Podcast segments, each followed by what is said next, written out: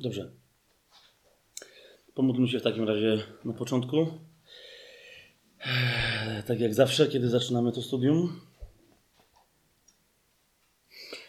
Dobry Ojcze, dziękuję Ci za to kolejne nasze spotkanie.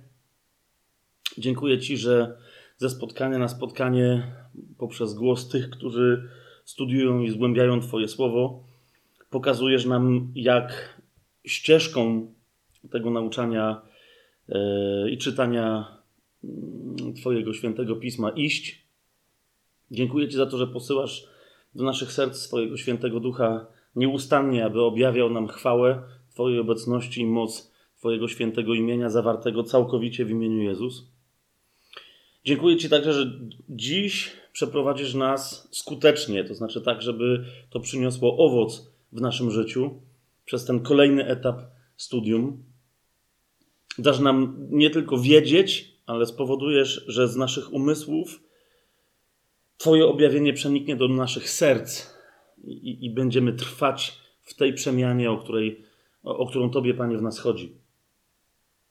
Dzięki Ci, Ojcze, za dzisiejsze objawienie Twojego Syna, naszego Pana, Jezusa Chrystusa, jako Syna Bożego i jako Mesjasza. Dzięki Ci, Panie, że Twoje czyste słowo będzie dzisiaj rozbrzmiewać w naszych uszach i w naszych sercach. Tak, aby nam przypomnieć, że to nie my Ciebie wybraliśmy, ale to Ty nas wybrałeś, żebyśmy szli, żebyśmy przynosili owoc i żeby ten owoc, który jest zgodny z Twoją wolą, żeby trwał, który żyjesz i który królujesz teraz i na zawsze. Amen. No, jak to y, z zapowiedzi, konsekwencji poprzednich y, naszych spotkań y, wynikało, tematem naszego dzisiejszego spotkania, znów nie, wiem, czy tak się to będzie nazywać potem, jak już się pojawi na YouTubie. A propos, tak, zanim pójdę dalej, bo sobie, bo sobie zapomnę i będę znowu musiał. Trzeba być posłusznym tym, którym nam, nam Pan dał jako władzę. E, a zatem, zanim gdziekolwiek pójdę, miałem na początku i na końcu przypominać, że najlepiej jest oglądać tajemny plan nie na YouTubie, tylko na e, naszej stronie www.tajemnyplan.pl. Więc to wszystkim y, przypominam na początku. Jak się zapomnę na końcu, to mi przypomnijcie, żebym przypomniał. Dlaczego? Ponieważ tam wszystkie y, y, powiązania z innymi częściami materiału się znajdują, ponieważ ten materiał tam na różne sposoby jest uporządkowany, ponieważ nie pojawiają się jakieś dziwne przeszkadzajki w trakcie, sugestie, rozpraszacze, z jakichś innych filmów na YouTubie pochodzące i tak dalej. Oczywiście komu YouTube nie przeszkadza, to super, po to jest tam ten kanał, ale komu by tam pewne rzeczy przeszkadzały, to, yy, to na stronie będzie mu łatwiej oglądać. Również na stronie, to jest bardzo istotne dla tych, którzy nie oglądają, ale słuchają, również na stronie yy, są te nasze spotkania, te nasze wykłady E, w formie dźwiękowej. Także można ściągnąć e, taki plik dźwiękowy, czy po prostu go chyba nawet online odsłuchiwać, tak? E, dobrze mówię. Czyli no, jak, jak kto chce i jak kto lubi, jak mu to jest potrzebne, to powinien, tak jak to jest możliwe, być obsłużony przez stronę. Jeszcze raz powtarzam www.tajemnyplan razem pisane małymi literami.pl tak, sprawiłem się to? Dobra. Okay. To miałem powiedzieć. No a teraz jeszcze raz. To, co dziś jest tematem naszego dzisiejszego spotkania, to kolejna tajemnica królestwa, której zrozumienie powinno nam rozjaśnić właśnie dobrą nowinę o królestwie, a tą tajemnicą jest Chrystus. E, I znowu, zanim jeszcze pójdę dalej, e, muszę się odnieść do paru pytań, które w ostatnim czasie e, dostałem ponieważ y, powiedziałem Chrystus i będę e, tym słowem się y, pewnie dzisiaj najczęściej posługiwać ze względu na teksty, do których się odniesiemy. Ale ktoś mi tam zadał pytanie, dlaczego nie. dlaczego nie. Czasem mówię Hamashia, czasem mówimy Mesjasz. To pytanie ogólnie się rozszerzyło też. Dla, no, jedni pytali, dlaczego na przykład nie mówię tak często, jak powinienem. Niektórzy wręcz twierdzą, że w ogóle nigdy nie powiedziałem Jeszua zamiast Jezus i tak dalej, i tak dalej. Jest tylko krótko. Czasem się różnymi tymi określeniami posługuję, żeby coś tam zaakcentować dla tych, którzy zrozumieją, co akcentuję Natomiast nie jestem przywiązany jakoś specjalnie do żadnego z tych określeń. Chrystus to oczywiście pomazaniec, to oczywiście namaszczony, to oczywiście e, Hamashia, hebrajski, to, czyli grecki Christos, e, czyli Mesjasz. Wszystko gra, tak? Nie widzę specjalnie powodu, dla którego któreś z tych nazw, którejś, do którejś z tych nazw powinniśmy się jakoś bardziej tam przywiązywać, tak? W zależności od kontekstu coś tam bardziej pasuje. Gdy zaś chodzi o samo imię Jezus, e, czyli Jeszua, e, zgadzam się, jest takie mm, powiedzenie Żydów mesjanistycznych, oni powiadają, kto powiedział Jeszua, to już powiedział wszystko. Tak? Ale no, najpierw trzeba być Żydem w ogóle, nawet niekoniecznie mesjanistycznym, żeby zrozumieć, co to w ogóle znaczy. Tak? Że w tym jednym słowie wszystko się, w tym jednym imieniu wszystko się zawiera i rzeczowniki, czasowniki, cała akcja stąd wynikająca. Idzie mi tylko o to, bo niektórzy pytają, no właśnie, ale prawdziwe imię to jest Jeszua. Po pierwsze, e, zauważcie, e, w oryginale greckim Nowego Przymierza e, nikt nie uważa za stosowne, żeby koniecznie, konsekwentnie nazywać Jezusa Jeszułą, tylko po prostu nazywają go Jezus. Jest to zgreczone to hebrajskie imię. Tak? Z jakiegoś powodu nie stanowi to e, problemu, czy dla Pawła, czy dla Jana, czy dla Piotra i tak dalej, wszystkich innych pisarzy e, Nowego Przymierza. Mm, ale tak najprościej rzecz ujmując, tu się powołam na słowa jednego właśnie rabina mesjanistycznego. Ważne jest to, że są tacy właśnie rabini mesjańscy, którzy mówią, że nie, nie, trzeba wrócić do, tak ekstremalnie do tych hebrajskich korzeni, żeby mówić tylko Jeszua, bo to jest to imię, które ma moc i tak dalej, i tak dalej. E, jest w dziejach apostolskich taki fragment, zresztą e, to sobie go e, znajdźmy, żebyście tak od razu, żeby to sobie unaocznić. To jest 19, 19 rozdział e, dziejów apostolskich. Dobrze mówię? Tak, 19 rozdział. Od 13 wersetu. I, i ten, ten fragment myślę, że nam w tę tematykę powinien szybko rozjaśnić. To jest 19 rozdział, 13 werset. E, I następne. A niektórzy wędrowni żydowscy egzorcyści, mówi ten fragment, ważyli się wzywać imienia Pana Jezusa nad opętanymi przez złe duchy, mówiąc: Zaklinamy was przez Jezusa, którego głosi Paweł. Teraz y, y, o co mi chodzi, y, zanim pójdziemy dalej? Jacy to byli egzorcyści? Żydowscy, tak? Czy myślicie, że oni wzywali imienia Pana Jezusa, którego głosi Paweł? Paweł jest imieniem y, pogańskim, jest imieniem e, rzymskim, tak? Y, Paulos, bo, bo, widzicie, że nie o Szawła im chodziło, tylko o Pawła, tak? Więc y, jego imię mogli wypowiadać, wy, wy, wy, wygłaszać jak chcieli. Ale czy myślicie, że imię Jezusa, imienia Jezusa wzywali po grecku? Nie. Byli żydowskimi egzorcystami i wzywali imienia Jezusa jako Jeszui w odpowiedni, najlepszy możliwy y, hebrajski sposób. Zgadza się? A więc wiedzieli, jak się to robi. E, czternasty werset. Robiło tak, a więc wzywali imienia Jezusa głoszonego przez Pawła, robiło tak siedmiu synów pewnego Żyda imieniem Skewas, czy też Scewa będzie w niektórych tłumaczeniach, który był naczelnikiem kapłanów. A zły duch im odpowiedział: Znam Jezusa i wiem, kim jest Paweł, ale wy coście za jedni. I rzucił się na nich człowiek, w którym był zły duch, powalił i pokonał ich, także nadzy i zranieni wybiegli z tego domu. I teraz to, co wam powiem, to jest e, argument, który, e, którym się posłużył e, i który otrzymałem od jednego z rabinów mesjańskich właśnie, tak? On mi powiedział, mówi, słuchaj, sam będąc Żydem, uważam, że istotne jest nie to, w jaki sposób Jezusa nazywasz, tylko czy kiedy wymawiasz tak czy inaczej Jego imię, może się objawić Jego chwała, bo On w tobie mieszka. Tak? Mówi, tamci goście Mówi, to byli też Żydzi, tak jak ja. I świetnie wiedzieli, jak się to imię wymawia. Nie zmienia to jednak faktu, że nie byli w stanie pokonać złego ducha. Zresztą zauważcie, że sam zły duch, zauważcie, też wymawia to imię. Przypuszczam, że też profesjonalnie. Tak? Albo nie, no nie wiadomo, bo on też on powiedział wyraźnie: Znam Jezusa i wiem o Pawle, a wy kto jesteście?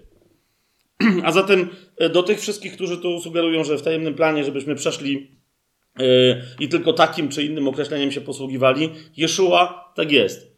Yy, ale no ja, ja nie, nie, jestem Żydem. Ja nie wiem, czy nawet jak to mówię, to czy już nie spolszczam, rozumiecie, tego, yy, tego imienia. Nie wiem, czy to jest właściwe.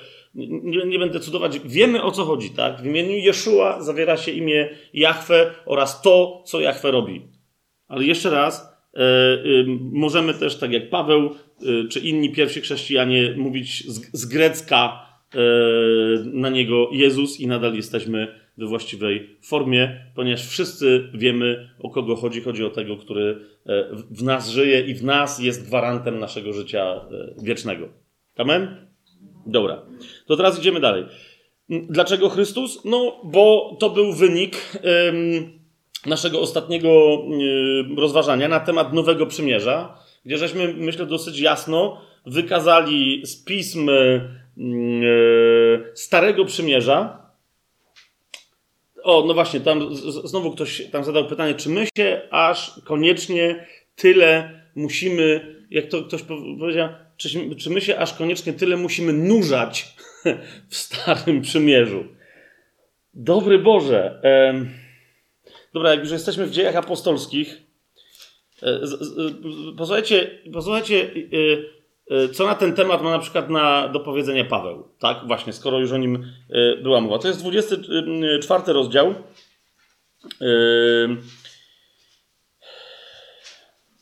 Paweł w 14 wersecie wyznaje wiarę wobec kogoś, kto jest niewierzący i wobec którego jest przesłuchiwany.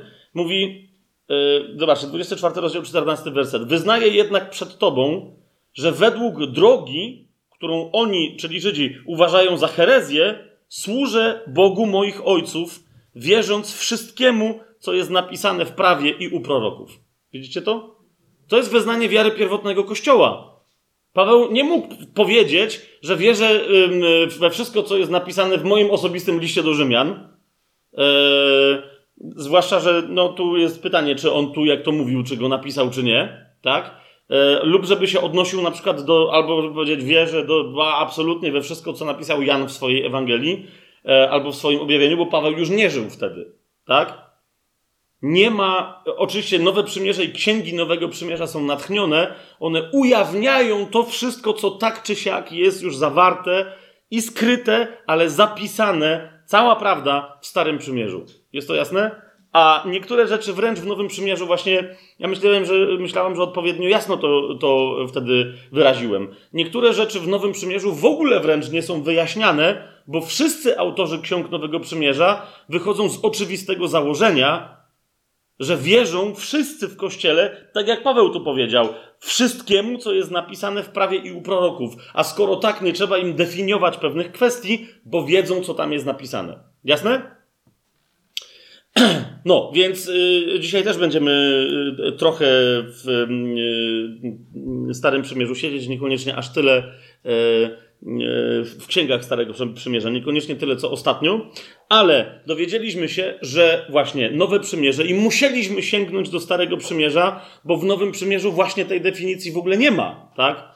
Ono po prostu yy, się pojawia jako wypełnienie wszystkich zapowiedzi starotestamentowych. A zatem w nowym, Nowe Przymierze, to, tego się dowiedzieliśmy, jest jedyną gwarancją odnowienia serca. Tak? Dam wam nowe serce, nowego ducha tchnę do waszego wnętrza. Odnowienia serca, przyjęcia właśnie nowego ducha, wypełnionego duchem świętym, duchem samego Boga. Yy, co jest początkiem niekończącego się wiecznego życia, e, w którym mamy obietnicę żyć właśnie na zawsze w jedności, w intymności, w miłości z Bogiem samym. Tak? I teraz na, na, na końcu tego naszego rozważania doszliśmy do, do y, jasnych wniosków z pisma wynikających, że y, nowe przymierze, ta gwarancja nowego przymierza zawiera się, i teraz to powiem, no tak, niech to zabrzmi, jak, jak to zabrzmi, ta gwarancja nowego przymierza zawiera się tylko i wyłącznie w Chrystusie, którym jest Jezus. Teraz zwróćcie uwagę, co powiedziałem. Tak? My często e, posługujemy się e, e, określeniem Jezus Chrystus, tak jak wiecie, Fabian Błaszkiewicz, tak? Magdalena Błaszkiewicz, ktoś tam, ktoś tam. Niektórzy wręcz po prostu jakby posługują się tym, tym tytułem, jakby to było nazwisko, tak? Jaki Jezus Chrystus. Spokojnie, tak? Więc e, celowo to odwracam. Ta gwarancja nowego przymierza, z którą przychodzi nowe serce, nowy duch, życie wieczne, zawiera się tylko i wyłącznie w Chrystusie, tym jednym, jedynym Chrystusie, który był przez wieki zapowiadany i w tych zapowiedziach jego postać była coraz bardziej precyzowana, a tym Chrystusem jest Jezus.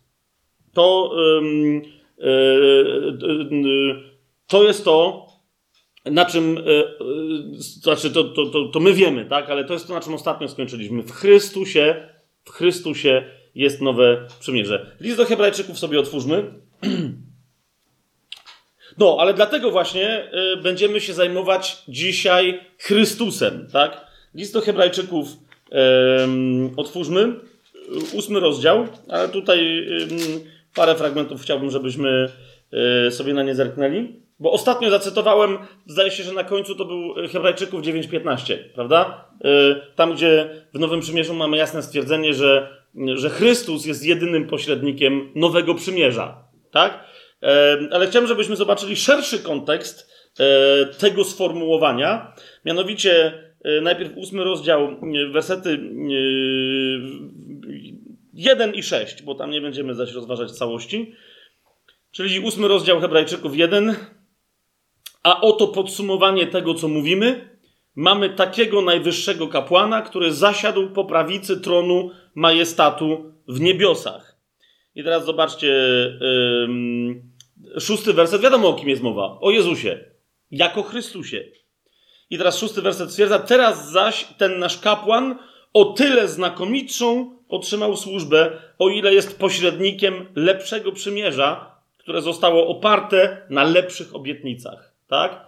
To jest wstęp w liście do Hebrajczyków do, do bezpośredniego tego potężnego e, stwierdzenia w następnym rozdziale, w dziewiątym, w piętnastym wersecie, że Chrystus, ten bo, bo o nim jest mowa y, w 11 wersecie, zobaczcie, Chrystus, gdy przyszedł jako najwyższy kapłan, widzicie, że tu o nim jest mowa w 8 rozdziale, tak? Chrystus, gdy przyszedł jako najwyższy kapłan, no dobra, tam się różne rzeczy działy i mamy 15, co z tego wynika, całego tego jego przyjścia jako najwyższego kapłana, 9 rozdział Hebrajczyków, 15 werset, jest pośrednikiem Nowego Testamentu ażeby przez śmierć poniesioną dla odkupienia występków popełnionych za pierwszego testamentu, ci, którzy zostali powołani, otrzymali obietnicę wiecznego dziedzictwa. Tak? Zobaczcie, y, ten ósmy rozdział, szósty werset y, jest pośrednikiem lepszego przymierza, które zostało oparte na lepszych obietnicach. Co to są za lepsze obietnice? Dziewiąty rozdział, piętnasty werset to jest obietnica wiecznego dziedzictwa. Zauważcie, co się dzieje. Zwracam Wam uwagę na, na te, bo czasem my po prostu przechodzimy nad pewnymi rzeczami. Zauważcie, że tu jest mowa o wiecznym dziedzictwie, a nie o wiecznym życiu. Ok? To jest dobra nowina o, o królestwie, tak? Że e, wraz z życiem wiecznym, które otrzymujemy dzięki dobrej nowinie o Jezusie, tak? A więc które przyjmujemy wraz ze zbawieniem, powinniśmy pójść dalej i przyjąć dobrą nowinę o królestwie, bo to ona, dobra nowina o królestwie, jest dobrą nowiną o wiecznym dziedzictwie. Pamiętacie te wszystkie sformułowania, gdzie prawie w, zasadzie wszędzie, gdzie, gdzie Paweł wymienia różne rodzaje grzechów w swoich listach? Zawsze mówi tacy, tacy, tacy, tacy, tacy, tacy, tacy i jeszcze tacy. Królestwa Bożego nie odziedziczą. Tak? A w liście do Efezjan, i to jest bardzo interesujące, o właśnie, bo to, yy, zobaczmy, tak? Yy, tam sobie skoczmy, zdaje się, że w liście do Efezjan yy, jest wręcz takie sformułowanie, które niektórych szokuje. Zobaczcie, y, to jest piąty rozdział listu do Efezjan. Yy, i tam Paweł od czwartego wersetu właśnie wymienia grzechy. Sprośność, niedorzeczne gadanie, nieprzyzwoite żarty. Yy, I, potem mówi rozpustnik, nieczysty, chciwiec, to znaczy bałwochwalca. Zobaczcie, co, co mówi. Nie ma dziedzictwa w królestwie Chrystusa i Boga. Tak? To jest y, piąty rozdział listu do Efezjan, piąty werset. Tak? Mówi, że taki, taki, taki, taki nie ma dziedzictwa w królestwie Chrystusa i Boga. Tak? Już, już przez sam ten fakt Paweł tu w ogóle nie wyjaśnia o co mu chodzi, bo wydaje mu się, że Efezjanie powinni wiedzieć, e, jakimi etapami będzie przechodzić królestwo, tak? I co oznacza królestwo Chrystusa i królestwo Boga, tak? I kto czego nie odziedziczy, tak? E, ale wracamy, rozdział 9 e, listu do Hebrajczyków, 15 werset. Więc widzicie, obietnica Nowego Przymierza jest obietnicą nie tylko życia wiecznego, ale wiecznego dziedzictwa. Tak? Od, ostatnio o tym też żeśmy sobie wspominali, cytując, ja tego nie akcentowałem, ale to też i pod tym względem można rozważyć w liście do Galacjan, jeśli pamiętacie, tam było powiedziane, e, że pod prawem byliśmy e, jak pod wychowawcą, jak dzieci, tak? A e, dzięki Chrystusowi, którym jest Jezus, nie tylko mamy życie, ale stajemy się dziedzicami obietnic, tak?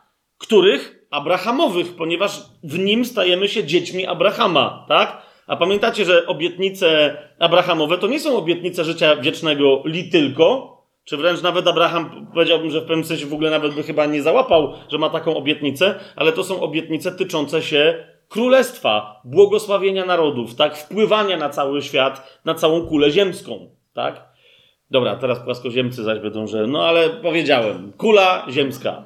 E, dla zainteresowanych powiem, że zastanawiamy się, zastanawiam się nad tym, żeby rzucić challenge, płaska ziemia challenge, dobra, ale to będzie, to, mo, to może pod koniec dzisiaj tego spotkania mi przypomnicie, to, to powiem, e, żeby wreszcie raz, a dobrze, naprawdę, rzetelnie, niech to trwa nawet 5 godzin, ale wszystkie możliwe fragmenty w Biblii przejrzeć i zobaczyć, czy tam gdziekolwiek gdziekolwiek pojawia się jakakolwiek wzmianka o jakiejkolwiek płaskości jakiejkolwiek ziemi. Ok?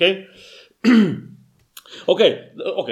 Dwunasty rozdział listu do Hebrajczyków, przeskoczmy sobie jeszcze i tam. E, dwunasty rozdział listu do Hebrajczyków, e, dwudziesty czwarty werset.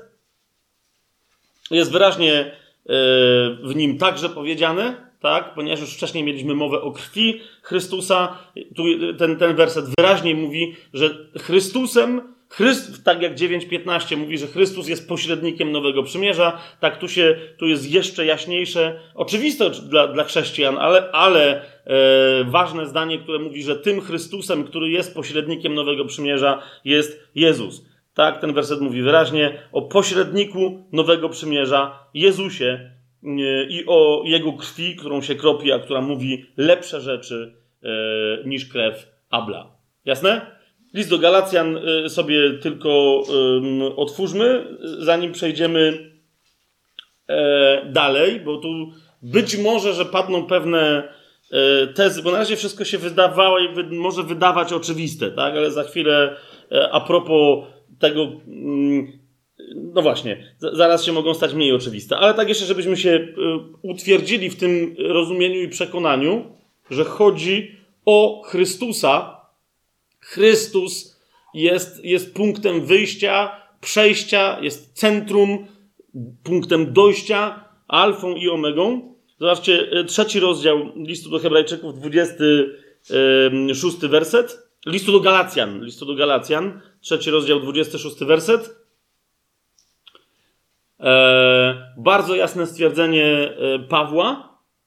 I teraz podkreślam, że Pawła, bo za chwilę pewien problem będę chciał Wam przedstawić. E, mianowicie Paweł mówi: Wszyscy bowiem jesteście synami Bożymi przez wiarę w Chrystusa Jezusa. Jesteśmy synami Bożymi przez wiarę w Chrystusa. Jezusa. Na to wam zwracam uwagę.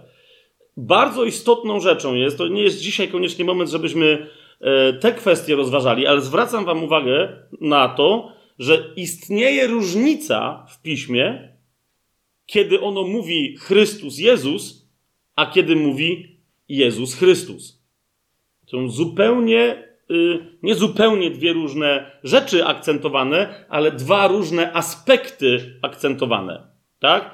Dla, y, dla tego lepszego akcentu myślę, że wręcz w tym miejscu y, po Chrystusie powinniśmy mieć przecinek, tak? który ja zrobiłem. Wszyscy bowiem jesteście synami Bożymi przez wiarę w Chrystusa. Przecinek Jezusa. Tak?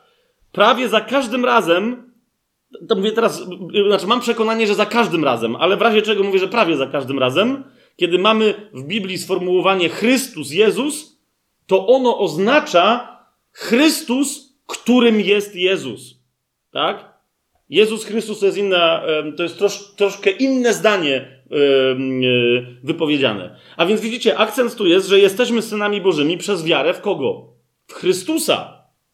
I taka też była zapowiedź, tak też tą zapowiedź rozumieli Żydzi. Później sobie jeszcze, później sobie jeszcze myślę, że jakoś klarowniej to powiemy, tak? Ale jeszcze raz, idzie najpierw o wiarę w Chrystusa, tak? Idzie najpierw o wiarę w Chrystusa, a później, później e, o to, kto jest tym Chrystusem, żeby móc w niego uwierzyć, tak?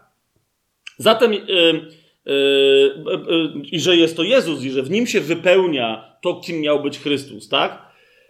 A zatem powiedziałbym, i teraz uważajcie, bo to, bo to, bo to postawię tę tezę. Yy, chciałbym, żeby wam dobrze, mocno zabrzmiała w uszach, że my powinniśmy głosić, jeżeli chcemy mieć pełną Ewangelię, z którą docieramy do Kościoła, dzięki której Kościół może wreszcie ruszyć do przodu, owocować wszędzie tam, gdzie ona jest głoszona. Powinniśmy głosić pełną Ewangelię o Jezusie, jako o Zbawicielu, i następnie o Królestwie, która de facto jest Ewangelią o Chrystusie i tym wszystkim, kim Chrystus ma być.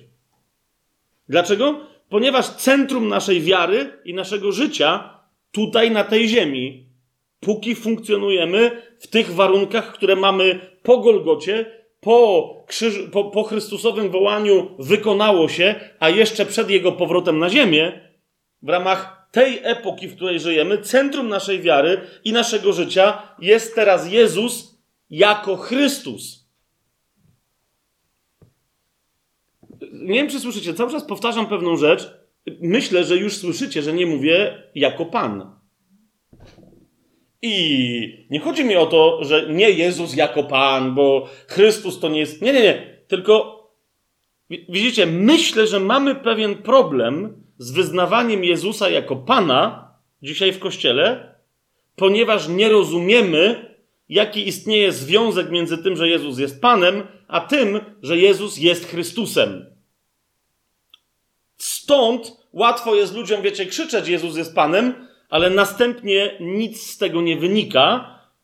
Jeżeli nic z tego nie wynika, a powinny konkretne rzeczy wynikać, to znaczy, że ludzie nie wiedzą, co mówią, kiedy mówią, że Jezus jest Panem. Teraz zważcie, bardzo często e, jedyny fragment pisma, jedyny fragment pisma, na którym opierają się niektórzy głosząc Ewangelię, to, e, to jest list do Rzymian, 10 rozdział. Pamiętacie? Je, tak? Wyznaj, że Jezus jest Panem, wierząc w sercu, że Bóg go wskrzesił z martwych, a będziesz zbawiony. Teraz, widzicie, chodzi mi o to, my dojdziemy dzisiaj do tego fragmentu, ale E, chcę wam pokazać parę innych fragmentów, które w ogóle nie, nie, nie wspominają o tym, że należy wyznać Jezusa jako Pana, a mówią, że można wyznać coś, mając wiarę w sercu i być zbawionym.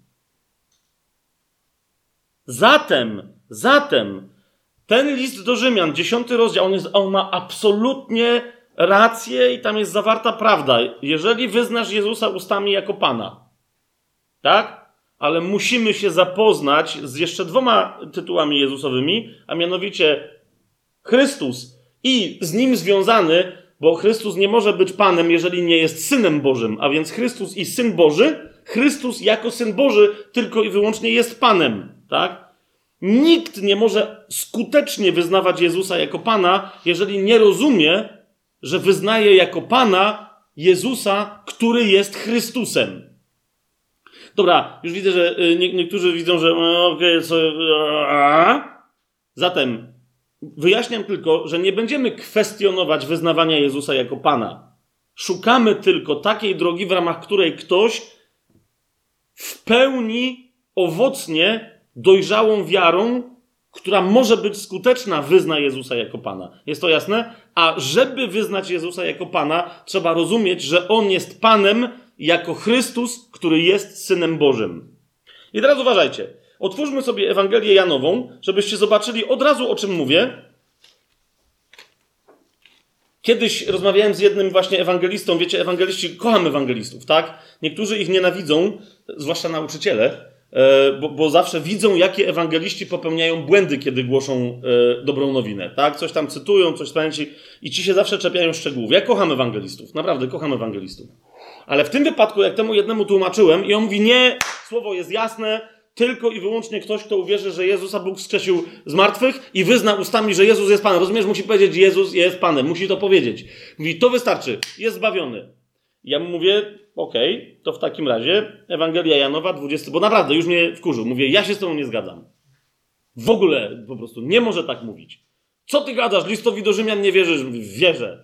Ale zanim jakbym czytał Biblię, zanim bym do, dotarł do listu do Rzymian, to bym najpierw przeczytał Ewangelię Jana. Zgadza się? No jakbyś po kolei czytał, no to raczej bym czytał.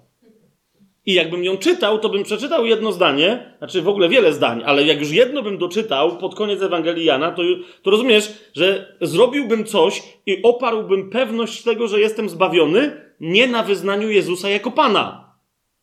Ewangelia Jana, 20 rozdział, 30 i 31 werset.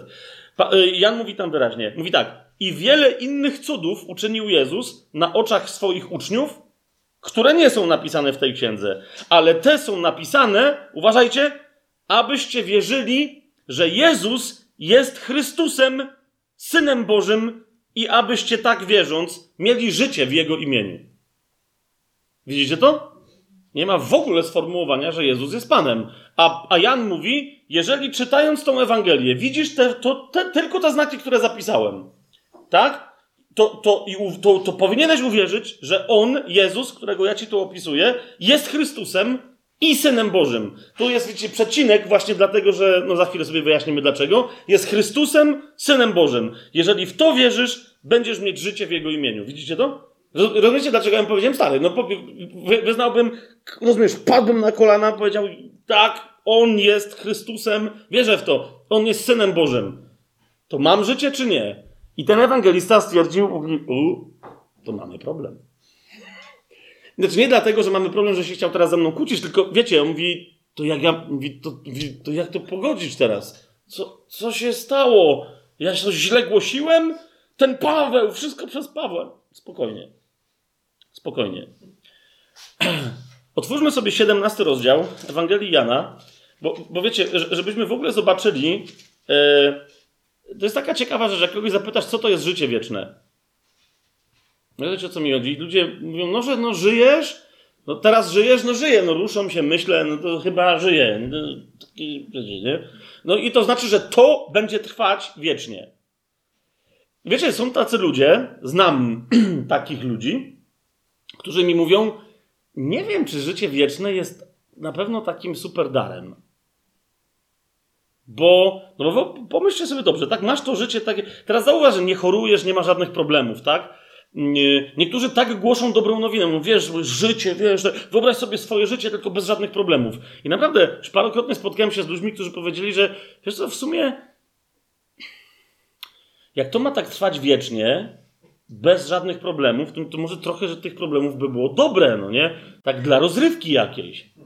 No bo wiesz, wiedziałbym, że nie umrę, czyli choruję, cokolwiek się dzieje. Rozumiesz, o co mi chodzi, tak? Czyli mam jakieś zadanie, jakiś problem do pokonania, coś się dzieje, a tak to w ogóle, no to, to, jest, to co w tym jest ciekawego? Nuda, no, nuda, nie? No coś byś robił, rzeźbił, tam, no to jest spokój, to tak można wszystkie zawody świata oblecieć. No i w pewnym jak to masz życie wieczne, no rozumiesz, miliard lat i nagle mówisz, no i co dalej? Więc zobaczmy, jak samo Słowo Boże ustami Pana Jezusa definiuje życie wieczne. Rozdział 17. Tam Jezus, wiecie, to jest ostatnia wieczerza, mówi do uczniów, ale w pewnym momencie ujawnia im tajemnicę, ale pokazuje im, że oni trochę mogą nie rozumieć, co się dzieje. Więc nie do nich mówi, ale zaczyna się zwracać do Ojca. I zauważcie, co mówi. To powiedziawszy, Jezus podniósł swoje oczy ku niebu. To jest 17 rozdział, pierwszy, drugi i trzeci werset. To powiedziawszy, Jezus podniósł swoje oczy ku niebu i rzekł: Ojcze, nadeszła godzina. Uwielbij swojego syna, aby też twój syn uwielbił ciebie. Jak jemu dałeś władzę nad wszelkim ciałem, aby dał życie wieczne tym wszystkim, których mu dałeś.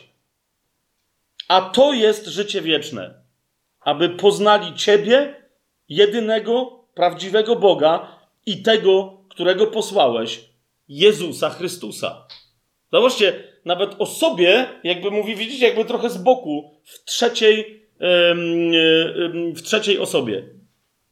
Kochani, pierwsze na co e, w ogóle chcę Wam zwrócić uwagę, to, że dzieło, które ma syn, zauważcie, tutaj się pojawia syn, tak? Syn, uwielbij syna, aby on też Ciebie mógł uwielbić. Ten syn, zauważcie, otrzymał władzę nad wszelkim ciałem. Widzicie to? E, e, dodajmy nad ciałem ludzkim, ponieważ jest powiedziane, że otrzymał władzę nad wszelkim ciałem, aby e, dać życie wieczne. Tak? No to nie nad innymi tam jakimiś istotami, tylko nad ludźmi. Swoją drogą, wiecie, kiedyś zostałem zaskoczony, nie pamiętam teraz jak ten teolog się nazywał, to był teolog teologowie czasem rzadko, czasem rzadko, czasem lub rzadko mówią rzeczy, które by były poruszające dla serca. Ja wtedy zostałem zabity, dosłownie, na, na, na jakiś czas. On powiedział taką rzecz, rozważając właśnie te kwestie, mówi: Nie wiem, czy zauważyliście, jak często my rozważamy, jakim darem jest od Boga jest Jezus dla nas. A dlaczego prawie nigdy nie rozważamy, że Prawdziwym darem jesteśmy my dla Jezusa od Ojca. Zauważcie drugi werset.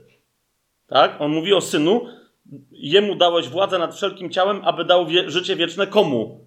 Tym wszystkim, których mu dałeś. Rozumiesz? Ludzie, wszyscy ludzie, ponieważ Pan Jezus jest posłany do wszystkich, tak? Ojciec chce, żeby wszyscy byli zbawieni, doszli do poznania prawdy. Wszyscy ludzie są darem Ojca dla Jego Syna. Mówię wam, jak niesamowite rzeczy wynikają z modlitwy, na której zaczniesz to rozważać. Co się wtedy dzieje? Bo jeżeli my, nawet będąc niezbawionymi, dopiero mającymi otrzymać życie wieczne, byliśmy darem od Ojca dla Syna, to rozumiecie, kim jesteśmy, kiedy już mamy to życie? Co, co, co się, kim Ty jesteś, w oczach syna jako podarunek ojca? Ojciec nie może dać synowi czegokolwiek, co miałoby jakąś cząstkową wartość, o ile rozumiecie, o co mi chodzi.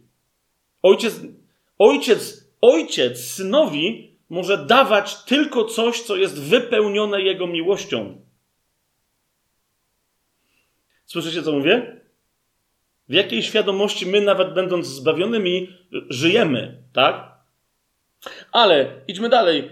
Jezus tłumaczy, tak? Co może dać ciału, co może dać człowiekowi? Życie wieczne. Teraz zauważcie, czym jest życie wieczne? Życie wieczne jest poznaniem Y, no tu jest takie określenie, że w zasadzie można swobodnie byłoby też to przetłumaczyć jako życie wieczne, aby poznawali Ciebie. Jest poznawaniem nieustającym, poznawaniem Ciebie, jedynego prawdziwego Boga i tego, którego posłałeś, Jezusa, Chrystusa. Tak? Poznawanie, pamiętajcie, poznawanie e, jest rodzajem takiego doświadczenia, które zawsze tworzy kolejne nowe życie.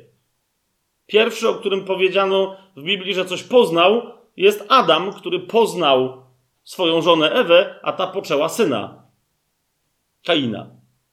Tak? Potem znowu jest powiedziane, że poznał swoją żonę, więc rozumiecie o co mi chodzi? Nie, nie idzie o to, że nie wiedziało o co chodzi, a teraz już wiedział, tak? Tylko poznanie zawsze jest takim rodzajem doświadczenia, które jest życiodajne. A my, mając życie, mamy trwać w poznawaniu Boga, tak? W byciu poznanym przez Niego. To jest nieustanna, pogłębiająca się, nieustanny, pogłębiający się taniec miłosny, który w nas i przez nas będzie tworzyć coraz nowsze życie. To jest, to jest nie do opisania, o to mi idzie, tak?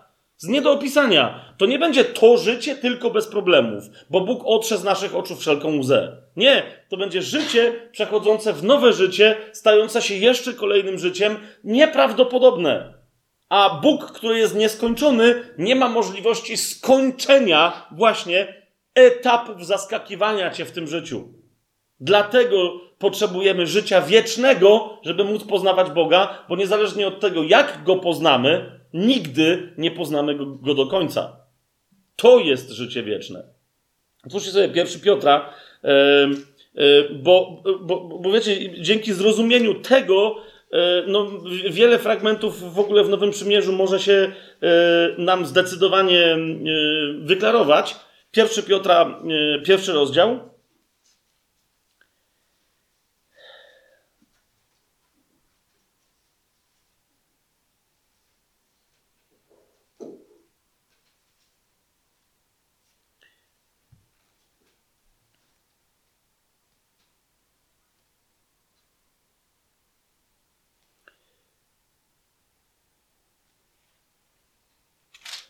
Zaraz, czy to, jest, czy, to, czy to mi o pierwszy Piotra chodzi teraz? To jest dobre pytanie. Nie, drugi Piotra, wybaczcie mi.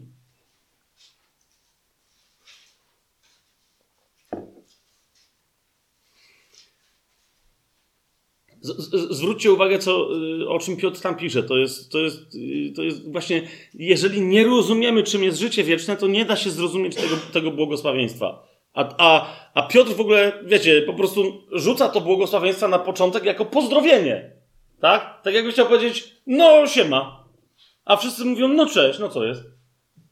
To zamiast tego Piotr zauważcie, co mówi. Y, pierwszy rozdział, drugi i trzeci werset. Łaska i pokój niech się wam pomnożą przez poznanie Boga i Jezusa, naszego Pana. Łaska i pokój się mnożą, dowiadujemy się z tego błogosławieństwa, przez poznanie Boga i Jezusa naszego Pana. Rozumiecie o co mi chodzi? Że już my w tym życiu możemy doświadczyć zatem czego? Pomnożenia życia wiecznego w nas. Tak? Z łaski do łaski, z chwały w jeszcze większą chwałę. Łaska i pokój niech się wam pomnożą przez poznanie Boga i Jezusa naszego Pana. Jako, że Jego boska moc obdarzyła nas wszystkim, co potrzebne do życia i pobożności. Przez co?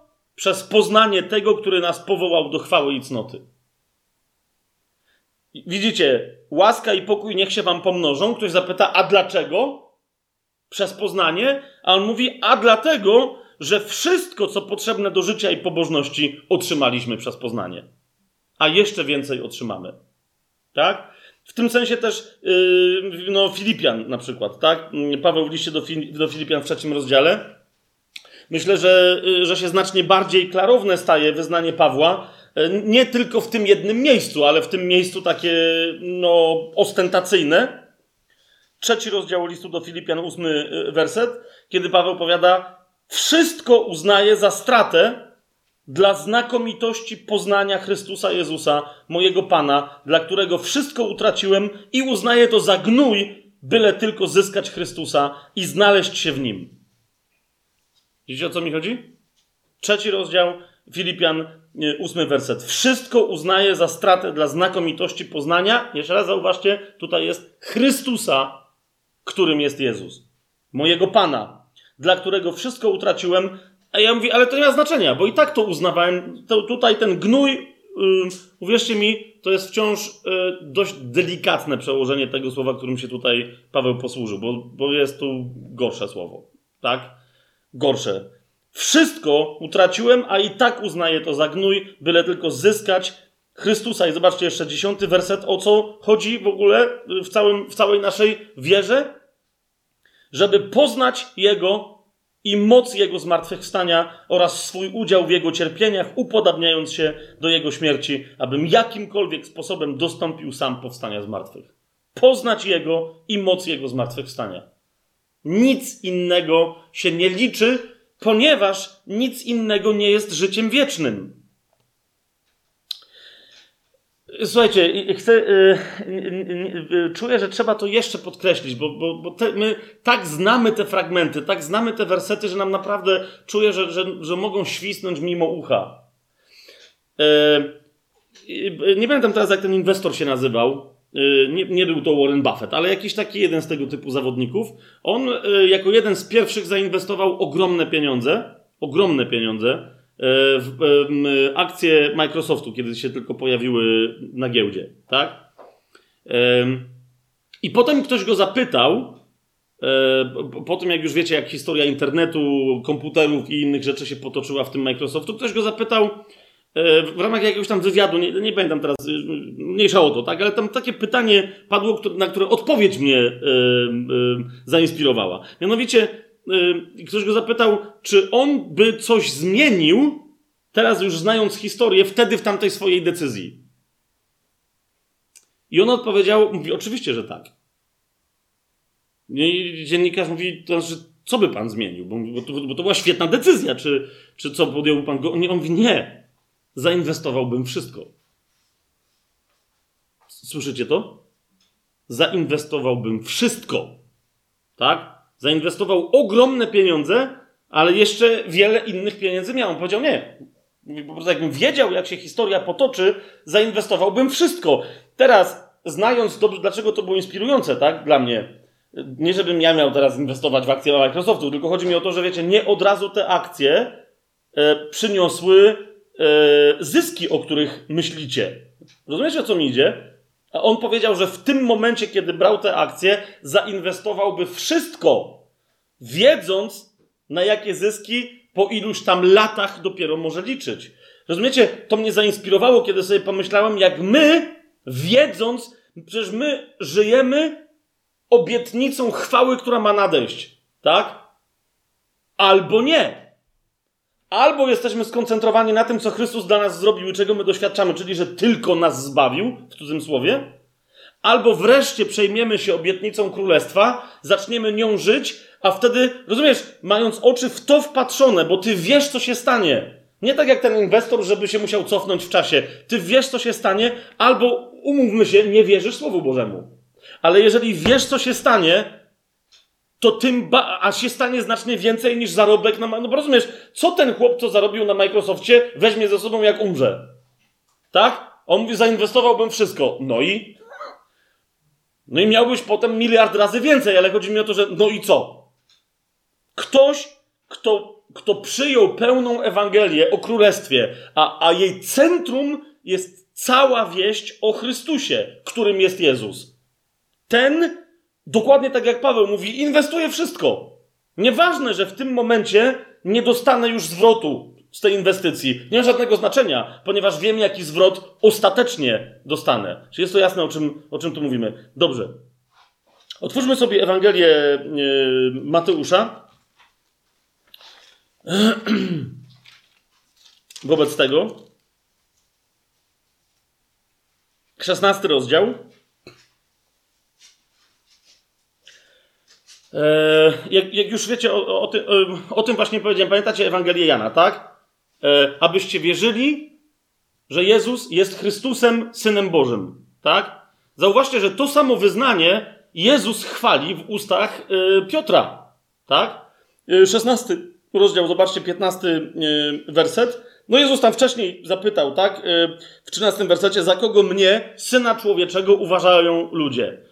Syn człowieczy to jest bardzo tajemniczy tytuł, tu się nim Jezus posługuje, bo, bo wie, na co czeka. Albo ktoś będzie mieć objawienie wprost w Duchu Świętym od Jego Ojca, albo będą kombinować, tak? Więc zadaję pytanie, za kogo mnie, Syna Człowieczego, uważają ludzie? Tam pada odpowiedź, ale w 15 wersecie Jezus pyta swoich uczniów, mówi, a wy za kogo mnie uważacie? I teraz zobaczcie, 16 werset. Szymon Piotr odpowiedział, ty jesteś Chrystusem, synem Boga żyjącego. Widzicie to? I teraz o co mi idzie? Popatrzcie, on uwierzył i wyznał to ustami, dokładnie zrobił to, o czym potem Jan mówi, tak? Że mając to, masz życie wieczne. I teraz patrzcie, mm, patrzcie, co się dzieje. Jezus powiedział do niego: Błogosławiony jesteś, Szymonie, synu Jonasza, bo nie objawiły ci tego ciało i krew, ale mój ojciec, który jest w niebie. Ja ci też mówię, że ty jesteś Piotr, a ja na tej skale zbuduję mój kościół, a bramy piekła go nie przemogą, i tobie dam klucze Królestwa Niebieskiego. Cokolwiek zwiążesz na ziemi, będzie związane i w niebie, a cokolwiek rozwiążesz na ziemi, będzie rozwiązane i w niebie. I teraz uważajcie, po tym wszystkim Jezus bo widział, że Piotr wyznał, ale całej reszcie przykazuje, wtedy przykazał swoim uczniom, aby jeszcze nikomu nie mówili, że On, Jezus, jest Chrystusem. Widzicie to? To jest, z pewnych względów to był jeszcze nie ten moment. Teraz, dlaczego cały ten fragment przeczytałem? Bo zobaczcie, w momencie, kiedy Piotr wyznaje Jezusa jako Chrystusa i jako Syna Bożego, natychmiast z miejsca otrzymuje obietnicę, która nie jest za specjalnie wyjątkowa, a z drugiej strony no jest. Otrzymuje obietnicę, obietnicę, która de facto jest obietnicą dla wszystkich wierzących. Nie wiem, czy zauważyliście. Bo niektórzy potem mnie pytają, jakie to klucze dostał Piotr i wiecie, i no i oczywiście jak ktoś wierzy, że jest jakiś Piotr rzekomy siedzący w Watykanie, to że on tylko te ma klucze, no bo tylko Piotr dostał klucze i tak dalej. No te klucze w wyniku posiadania tych kluczy, co się dzieje? Cokolwiek zwiążesz na niebie, będzie związane, na ziemi będzie związane i w niebie, a cokolwiek rozwiążesz na ziemi, będzie rozwiązane i w niebie. Tak? To zauważcie 18 rozdział Ewangelii Mateusza, 18 werset. Zaraz po fragmencie, kiedy Jezus mówi o kościele, o swoim kościele, do całego tego kościoła mówi Mateusz 18, 18, zaprawdę powiadam wam, cokolwiek zwiążecie na ziemi, będzie związane i w niebie, a cokolwiek rozwiążecie na ziemi, będzie rozwiązane i w niebie. Jasne jest to, co mówię? Tyle tylko. To jest obietnica dla wszystkich wierzących. A tu, w szesnastym rozdziale Ewangelii Mateusza, widzimy tylko, że Jezus uznał Piotra za pierwszego wierzącego. Pierwszego, który go wyznaje, wyznał ustami wobec ludzi jako Chrystusa i jako Syna Bożego. Zauważcie, nie powiedział, że jest Panem. Tak? Jeszcze raz, to nie chodzi o to, żeby nie wyznawać Jezusa jako Pana, tylko żeby rozumieć, że Jezus jest Panem, co znaczy, że jest Synem Bożym Chrystusem. Chrystusem, Synem Bożym. Nie może, każde inne rozumienie tego, że, że Jezus jest Panem, jest ubogie i wadliwe i może nie przynieść skutku. Okej, okay, to Ewangelię Jana sobie otwórzmy y, z powrotem. Jeszcze, żeby, chciałbym, żebyście zobaczyli, że to po prostu, tak? E, że sformułowanie wyznaj ustami Jezusa Panem e, i tak dalej, e, ono się pojawia w pismach Nowego Przymierza właśnie w liście do Rzymian po tym, jak już parokrotnie ludzie wyznawali Jezusa z konkretnym E, e, e, skutkiem, że tak powiem, zbawczym w sobie jako Chrystusa i Syna Bożego. Zobaczcie Ewangelię. Natomiast jest takie jedno miejsce, w którym jest wprost powiedziane, że Jezus jest Panem, ponieważ jest tym Chrystusem, który miał przyjść, który jeszcze dodatkowo okazuje się być wyjątkowym Synem Bożym. To jest Ewangelia Jana, 11 rozdział. Tak. I teraz zauważcie, co jest jeszcze bardziej interesujące. Jest to fragment, który również mówi o tym, nie tylko o zmartwychwstaniu Jezusa, ale że On sam w sobie, dla wszystkich, którzy po Nim będą zmartwychwstawać, dla nich jest zmartwychwstaniem. Tak? To jest jedenasty rozdział Ewangelii Jana, 25 werset i następne. Y, to jest rozmowa z Martą, tak? Zaraz po tym, jak Łazarz umarł i tam jest koncepcja, znaczy właśnie oni nie wiedzą, co się stało, czemu Jezus nie przyszedł. Marta coś tam mówi. Jezus powiedział do niej, 25 werset, ja jestem zmartwychwstaniem i życiem. Kto we mnie wierzy, choćby i umarł, będzie żył. Jasne stwierdzenie, tak? I teraz patrzcie, co się dzieje. 26 werset. A każdy, kto żyje i wierzy we mnie, nigdy nie umrze. Jeszcze raz, Jezus nie mówi dwa razy tej samej rzeczy, tylko wiecie, z dwóch stron, bo jest takim poetą. Przestudiujcie dobrze te dwa zdania. One mówią o dwóch innych nieco aspektach tego, że mamy zmartwychwstanie i życie w Jezusie. Tak? Każdy, kto żyje i wierzy we mnie, nigdy nie umrze. A patrzcie, wcześniejsze zdanie mówi, kto we mnie wierzy, choćby i umarł, będzie żył. To jest y, jeden z przyczynków do rozważań na temat tego, czy mamy zbawienie jako wolność od potępienia wiecznego, czy nie. Hmm? Ale to na razie te, teraz tego nie będę, to tylko mówię dla tych, którzy wiedzą o co mi chodzi. I teraz Jezus mówiąc o tym, że jest zmartwychwstaniem i życiem i że kto w Niego wierzy, będzie żyć na wieki, pyta y, Martę, czy wierzysz w to? I teraz zauważcie, ona, to, jest, to jest jej moment e, wejścia w nowe życie. Jeżeli nie wcześniej, to właśnie teraz. Tak?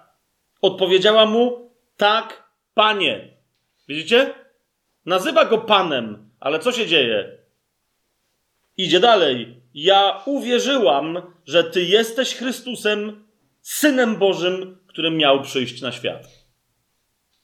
Tak? Oczywiście jest to Ewangelia Jana i Jan y, prawdopodobnie celowo podkreśla to wyznanie Marty, bo my go nie znamy z jakichś innych y, y, fragmentów pisma.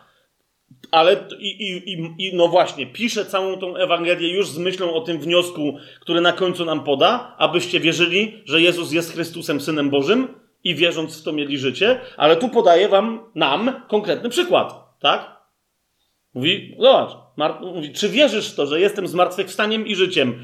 Dla niej było jasną, że odpowiedzią na to pytanie jest tak, Panie, wierzę, że Ty jesteś Chrystusem, Synem Bożym, tym, który był zapowiedziany, który miał przyjść i który właśnie przyszedł. Tak? Wyznanie Jezusa jako Chrystusa i Syna Bożego jest wyznaniem Jezusa jako Pana.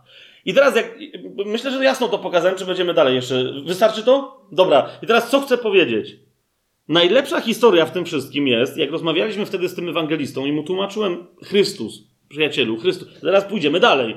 Tylko na razie, widzicie, tłumaczę, dlaczego w ogóle mamy rozważać Chrystusa. Tak? Co to naprawdę znaczy? Dlaczego dla tamtych ludzi tak ważnym było, żeby wyznawać Jezusa jako Chrystusa i Syna Bożego? Bo otóż, kochani, ja wam też pokazałem, mówię, otwórz sobie list do Rzymian i zobacz, że wyznanie Jezusa Panem jest wyznaniem Jezusa Chrystusem i Synem Bożym. I ten fragment wyraźnie o tym mówi. My jesteśmy czasem, wiecie, tak skupieni na tym, żeby pamiętać jedno zdanie z większego fragmentu, że my mówimy, a znam ten fragment. No okej, okay, no to otwórzmy sobie list do Rzymian, dziesiąty rozdział. O czym mówi ten fragment, który prowadzi nas do, do, do, do wezwania wyz, wyznaj Jezusa jako Pana? Zobacz, rozdział dziesiąty, zobacz, od czwartego wersetu. Oczywiście wcześniej to jest bardzo istotne, yy, bardzo istotne wyznanie Pawła, rozdział 10, pierwszy werset, zobaczcie, bracia, pragnieniem mojego serca i modlitwą, którą zanoszę do Boga za Izrael, jest jego zbawienie. Tak? To jest bardzo ważne, ponieważ on za chwilę wchodzi w mocne, powiedziałbym, no takie wręcz rabinistyczne rozważanie, które dla wielu chrześcijan jest niezrozumiałe. Tak jakby chciał powiedzieć, to co teraz pisze, pisze do tych, którzy są w Rzymie, ale którzy są Żydami. Zobaczcie o co chodzi. Tak? O co chodzi? I teraz popatrzcie. Cały ten rozdział dziesiąty mówi o Chrystusie. I popatrzcie, dziesiąty rozdział, czwarty werset, ten, tenże to zdanie bardzo jasno to podkreśla. Końcem bowiem prawa jest Chrystus ku sprawiedliwości każdego, kto wierzy. W kogo? No w Chrystusa, tak? Więc widzicie, że najpierw pojawia się Chrystus, zanim pojawia się kto wyzna Jezusa Panem, tak? I, i co, dalej, co dalej Paweł mówi? Że, że cały czas w wyznaniu Jezusa jako Panem chodzi o wierzenie, że jest Chrystusem. Dlatego jest Panem. Patrzcie dalej. Końcem bowiem prawa jest Chrystus, ku sprawiedliwości każdego, kto wierzy. Patrz, gdyż Mojżesz pisze o sprawiedliwości, która jest sprawa, w taki sposób, kto te rzeczy wypełnia, przez nie będzie żył. I dalej on mówi, a sprawiedliwość, która jest z wiary, powiada inaczej. W ten sposób. Nie mów w swoim sercu, kto wstąpi do nieba, to znaczy, aby kogo na dół sprowadzić? Chrystusa, albo kto zstąpi do, do otchłani, to znaczy, aby kogo od umarłych wyprowadzić? Chrystusa. Widzicie o co mi chodzi? On mówi: Nie mów tak i nie mów tak. Chodzi o Chrystusa cały czas. Tak, to jest zbawienie. On jest końcem prawa. Wiara w Chrystusa prowadzi cię do, do wyzwolenia, której, którego, którego to wyzwolenia prawo nie może dać. Tak? Ale co mówi ósmy werset? Blisko ciebie jest słowo, na twoich ustach i w twoim sercu. Jest to słowo wiary, które głosimy. Jeżeli więc, widzicie o co mi chodzi, tak? On mówi, po całym tym dyskursie, za chwilę jeszcze troszeczkę, wie, bo, bo, widzę, że też niektórzy patrzą i mówią, okej, okay, dobra, musi to być do Żydów, bo dalej nie wiemy o co chodzi, yy, skąd Chrystus ma być wzywany i co się tu w ogóle dzieje w tym fragmencie. Yy, na razie chodzi mi o to, czy widzimy, widzicie, że jest tu Chrystus, tak? No on mówi Chrystus, Chrystus, Chrystus, trzy razy, tak? I mówi, jeżeli więc, wobec tego, co powiedziałem, więc rozumiecie też, że on to mówi do Żydów, tak? Do ciebie, bracie Żydzie, mieszkający w Rzymie, jeżeli więc, to mówię, jeżeli ustami wyznasz Pana Jezusa, zauważ, jeżeli ustami wyznasz Pana Jezusa, to niektóre tłumaczenia, jeżeli uznam, ustami wyznasz, że Jezus jest Panem, jeżeli ustami wyznasz Pana Jezusa, jako kogo? Jako tego Chrystusa, którego chcesz wzywać z nieba i z otchłani. Bo on jeden był tam i tam. Stamtąd stąpił, stamtąd wyszedł. Tak?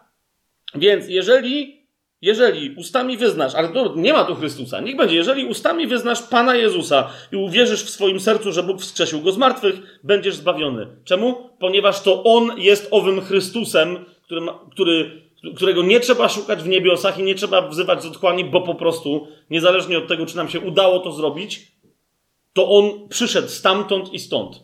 Jasne jest to, co, co, co się tu dzieje? Sercem bowiem wierzy się ku sprawiedliwości, a ustami wyznaje się ku zbawieniu. Mówi bowiem pismo: każdy, kto w niego wierzy, nie będzie zawstydzony. Nie ma różnicy między Żydem a Grekiem, bo ten sam Pan wszystkich jest bogaty względem wszystkich, którzy go e, wzywają. Każdy bowiem, kto wezwie imienia Pana, będzie zbawiony. Teraz, e, dlaczego, e, dlaczego ważne jest to, żebyśmy zwrócili uwagę na to, co się pojawia, w jakim kontekście pojawia się tu Chrystus przed tym, jeżeli ustami wyznasz Jezusa Panem. No właśnie, możesz wyznać Jezusa Panem, pamiętając, że jest Chrystusem. Po co, po co Paweł tu gada o jakichś tych e, e, dziwnych rzeczach, kto wstąpi do otchłani i potem tłumaczy, co to znaczy, że to chodzi o Chrystusa, kto, kto wstąpił do nieba i że to chodzi o Chrystusa? Jak pamiętacie e, ostatnie nasze spotkanie, ci, którzy byli, tak, albo którzy oglądali materiał, nie wiem, czy, czy wszyscy, jak nie, to sobie sprawdźcie.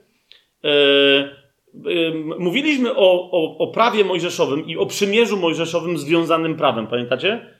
E, I, i, I taką żeśmy tam sobie tezę przetestowali, że to prawo nie było dane po to, żeby Izraelici mieli szansę coś wydziałać, ponieważ na końcu pojawiło się proroctwo, że i tak im się to nie uda. I my o tym wiemy, bo, bo potem Nowe Przymierze nam wyraźnie mówi, że prawo się pojawiło, żeby zademonstrować grzech, żeby go ujawnić, a nie żeby dać moc do tego, żeby z nim walczyć. Pamiętacie to? To był 30 rozdział, jeśli pamiętacie, Księgi Powtórzonego Prawa. Otwórzmy sobie i teraz zobaczycie, co się dzieje. I do czego ja tutaj piję. Księga Powtórzonego Prawa, czyli piąta yy, Mojżeszowa. 30 rozdział. Macie to?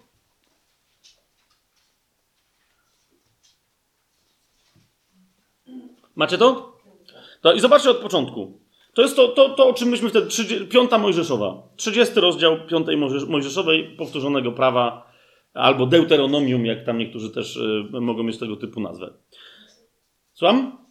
Y, po, powoli. Y, od początku 30 rozdziału, myśmy rozważali od początku 30 rozdziału, od pierwszego wersetu, E, no, e, potwierdzenie tego proroctwa, bo jest powiedziane w pierwszym wersecie, gdy spadnie na ciebie to wszystko, błogosławieństwo i przekleństwo, które przed, przedłożyłem przed tobą. Widzicie to, tak? Jest wyraźnie powiedziane, że po prostu spadnie na ciebie to wszystko. I błogosławieństwo, i przekleństwo, tak? Co będzie wówczas ratunkiem? Przeskoczmy szybciutko. Szósty werset. Pan, twój Bóg, obrzeza twoje serce i serce twojego potomstwa, abyś miłował Pana swojego Boga z całego swojego serca i całą swoją duszą, abyś żył. I włoży Pan twój Bóg wszystko... No, dobra, okej, okay. niech będzie szósty werset, tak? Yy, rozumiemy, że obrzezanie serca jest otrzymaniem nowego, yy, yy, byciem uwolnionym od serca kamiennego i otrzymaniem nowego ciała, tak? Jeremiasz, Ezechiel, otrzymaniem nowego ducha, tak? To teraz zobaczcie, co jest jeszcze dalej. Otóż pojawia się informacja, że żeby móc mieć obrzezane to serce, wystarczy wypełnić tylko jedno przykazanie. Jakie? Spójrzcie. I o to chodzi Pawłowi w liście do Rzymian w 10 rozdziale. Spójrzcie na jedenasty werset. To przykazanie bowiem, które ja ci dziś nakazuję, nie jest zakryte przed tobą, ani nie jest zbyt dalekie. Nie jest w niebie, byś miał mówić, któż dla nas wstąpi do nieba i przyniesie je nam i opowie je nam, abyśmy je wypełnili. Nie jest też ono za morzem, to jest ta, bo to, Paweł to tłumaczy y, y, Rzymianom jako otchłań, tak? Jest taka możliwość. Nie jest też za morzem, byś miał mówić, któż dla nas popłynie za morze i przyniesie je nam i opowie je nam, abyśmy je wypełniali. Widzicie to? To, to te dwa wersety Paweł tłumaczy, tak? On mówi, nie jest w niebie, a chodzi o Chrystusa i nie jest w otchłani, a chodzi o Chrystusa, tak? I popatrzcie, czternasty werset. Lecz to słowo jest bardzo blisko ciebie, w twoich ustach i w twoim sercu, abyś je wypełnił. Jeszcze raz, zobaczcie. Dziesiąty rozdział, wróćmy do listu do Rzymian, dziesiąty rozdział. Spójrzcie. Tuż przed stwierdzeniem, jeśli ustami wyznasz Pana Jezusa, mamy ósmy werset, ale cóż mówi, blisko Ciebie jest słowo na Twoich ustach i w Twoim sercu. Jest to słowo wiary, które głosimy, tak? E, e, Paweł tu zmienia to jedno sformułowanie, mówi to yy, yy, mianowicie, yy, bo tam jest powiedziane, że, że jest przykazanie, tak? I że ono nie jest ani w niebie, a Paweł mówi, przykazaniem jest Chrystus przykazaniem, tym jednym przykazaniem, o którym tam mówi Mojżesz, jest Chrystus. Czy to jest zrozumiałe, co ja mówię? Dlatego jeszcze raz popatrzcie, 10 rozdział, 4 werset. Dlatego zaczyna y, tę swoją wypowiedź od sformułowania końcem bowiem prawa jest Chrystus. On mówi, końcem prawa jest tylko jedno przykazanie. To jest Chrystus. I dlatego, jeżeli Jego wyznasz jako Pana, Chrystusa wyznasz Panem i powiesz, że to jest Jezus, wierząc, że Bóg to potwierdził, że On jest tym rozwiązaniem, wskrzeszając Go z martwych, będziesz zbawiony. O to chodzi. I, I dlatego w pierwszym liście Jana, zobaczcie, w pierwszym liście Janowym, dlatego Jan tam mówiąc o różnych przekazaniach, de facto yy, do, do, dokładnie tę samą myśl. Do, dobrze, jeszcze inaczej. Yy, Księgę przysłów sobie może otwórzmy, tak? E, e, to, bo to, to będzie, to, to jest, to jest e, to, jak już jesteśmy tacy rabiniczni, to, to, to zróbmy rabiniczność pewną, tak? E, bo wiecie, bo, bo, bo, Paweł tam ma też na myśli coś, mówi, jak jesteś dobrym rabinem i jak znasz pismo, to będziesz pamiętać też ten fragment. Zobaczcie Księgę Przysłów, 30 rozdział, czwarty werset. To jest wyjaśnienie, dlaczego Paweł, bo niektórzy mówią, yy, właśnie, yy, wiecie, rabini żydowscy mówią, ale tam w liście do Rzymian Paweł zrobił woltę, no ale odpowiedzią jest 30 rozdział, czwarty werset. Któż wstąpił, Księgi Przysłów, któż, albo przypowieści Salomona, tam będziecie mieli różne te, któż wstąpił do nieba i zstąpił? Któż zgarnął wody do swojej szaty? Któż utwierdził wszystkie krańce ziemi? Jakie jest jego imię? A jakie jest imię jego syna? Czy wiesz? Kto jest tym? No jest Bóg, tak? I nagle się okazuje, że aha, on ma swojego syna, tak? A Paweł mówi, ten syn, który jest synem tego Boga, to jest ten Chrystus, o którego nam chodziło. To jest to jedno przekazanie, które jak się wypełni, to jest końcem prawa. Wystarczy w nim trwać. Yy, łapiecie? Co, co, za, co za historię tam no to jest właśnie tak, jak się rabinów, zwłaszcza nawróconych, y, czyta, takich jak Paweł. Ale to właśnie z tego powodu, pierwszy list Jana, otwórzcie sobie trzeci rozdział. 23 werset. Dlatego y, o różnych przykazach, bo, bo, bo, to pierwszy list Jana mówi, tam w ogóle się odnosi do przestrzegania przykazań, ale on następnie no, przypomina, wiedząc, że ludzie zawsze będą coś tam sobie rozdrapywać i rozdrabniać i, i dzielić włos na czworo, przypomina, że przykazanie jest jedno. Pierwszy e, Jana, trzeci rozdział, 23 werset. A to jest jego przykazanie, mówi Jan, abyście wierzyli w imię jego syna, Jezusa Chrystusa i miłowali się wzajemnie, tak jak on nam to przykazał. Tak? Pierwsza rzecz, która pozwala ci w ogóle miłować, wprowadza cię w życie, to jest uwierzenie w Jezusa jako Chrystusa, a następna rzecz to jest na bazie tej wiary miłowanie Nie według naszego wyobrażenia, jak mamy miłować, ale miłowanie tak, jak On to przykazał, że ma wyglądać. Jest jasność w tej kwestii? Kochani, no to wobec tego, żebyśmy mogli przejść do następnego etapu tego naszego dzisiejszego rozważania, dosyć sprawnie nam idzie, pomimo moich yy, dygresji. No, otwórzcie sobie dzieje apostolskie. Yy, drugi rozdział. Zwróćcie uwagę, yy, jak konkluduje wezwanie do akcji, pierwszą ewangelizację, yy, jak konkluduje Piotr. Jakim to wnioskiem wzywa do nawrócenia tych, którzy go słuchają? To jest drugi rozdział dziejów apostolskich, 36 werset. Oczywiście on głosi całemu domowi Izraela, tak? który tam był reprezentowany podczas święta przez różnych wierzących Żydów. Mówi: Niech więc cały dom Izraela wie z pewnością, że tego Jezusa, którego wy ukrzyżowaliście, Bóg uczynił i Panem, i Chrystusem. Widzicie to? Yy, określenie Pan, jeżeli nie jest wypełnione świadomością, kim jest Chrystus, i za chwilę będziemy szli dalej, im nie musiał tłumaczyć, tak? Ale mówi, Jego uczynił i Panem, i Chrystusem. Niech cały dom Izraela wie z całą pewnością. To zobaczcie, jaka jest odpowiedź tych, których Duch Święty dotknął i już zaczął ich przekonywać, mówiąc bardzo szybko i skrótowo, cytując Ewangelię Jana, zaczął ich przekonywać o grzechu, o sprawiedliwości i o sądzie. Zauważcie, jaka jest ich reakcja. A oni, słysząc to, przerazili się do głębi serca. I zapytali Piotra i pozostałych apostołów, co mamy robić, mężowie bracia. Rozumiecie? Piotr był na tyle przekonujący w Duchu Świętym, że do nich dotarło, że rzeczywiście nieważne, że oni go zabili. Teraz jeszcze kapujecie, że tam mogli stać ludzie, do których głosił Piotr, którzy dopiero co, poczytajcie y, opisy ukrzyżowania w Ewangeliach, krzyczeli: Jeżeli ty jesteś Chrystusem, jeżeli ty jesteś synem Bożym, są tam, jest tam parę różnych wersji, ale rozumiecie, pada oskarżenie nie o to, że jeżeli ty jesteś Panem, tylko cały czas pada oskarżenie, jeżeli ty jesteś Chrystusem i inne, jeżeli ty jesteś synem Bożym. Sprawdźcie w tamtych opisach, to zejdź z krzyża. Tak? A nagle teraz Piotr staje przed nimi i mówi: Niech wie cały dom Izraela z pewnością, że tego Jezusa, którego wy ukrzyżowaliście w domyśle i wyśmiewaliście, że nie jest Chrystusem i nie jest Synem Bożym, tego to Jezusa Bóg uczynił i Panem, i Chrystusem.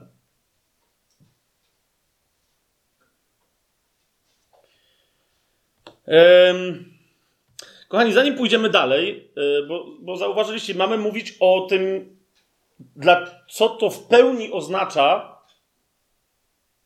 dla nas, jako dla chrześcijan, nie tylko dla naszego zbawienia, ale też dla naszego życia mocą królestwa, bo pamiętacie jasne sformułowanie e, Pawłowe, że królestwo objawia się w mocy. Dlatego niektórzy nie doświadczają e, dzisiaj w swoim chrześcijańskim życiu mocy, o tyle bym powiedział, nie doświadczają mocy, o ile nie żyją dobrą nowiną o królestwie. Tak? A więc do, do, kluczem do tego jest zrozumienie, kim jest Chrystus. Ale teraz widzicie, pojawia się dodatkowy jeden element, mianowicie, że ten Chrystus, żeby był tym Chrystusem, o którego chodzi, musi być synem Bożym.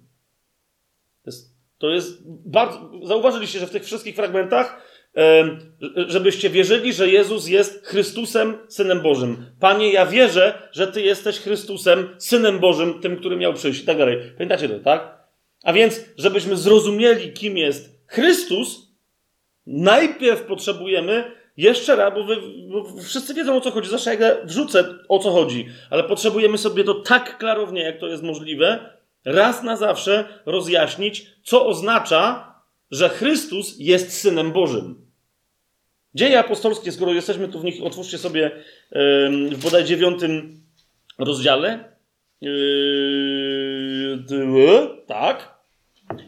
E, zauważcie, za, e, zauważcie, co się stało, kiedy Szaweł, Szaul, zaraz po swoim nawróceniu, co się, co się stało, co on robił zaraz po swoim nawróceniu, co uznał jako Żyd, faryzeusz, uczony w piśmie, że jest najważniejsze, żeby głosić, kiedy dotarła do niego prawda. Zobaczcie, dziewiąty rozdział.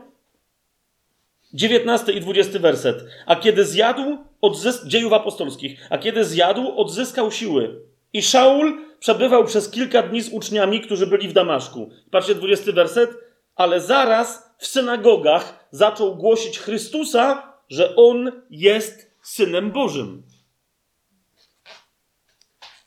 Wiecie, my często mamy takie zdanie, no czyli, bo, bo stosujemy zamiennie określenia Jezus, Chrystus, Syn Boży, Syn Człowieczy, Zbawiciel, e, to wszystko jest to samo, tak? A rozumiecie, e, rabini, tam nie ma słowa, które nie ma znaczenia. I on wchodzi do synagogi i innym uczonym w piśmie stawia tezę, którą należy udowodnić, że Chrystus jest Synem Bożym. Najwyraźniej to nie było oczywiste, że Chrystus jest Synem Bożym.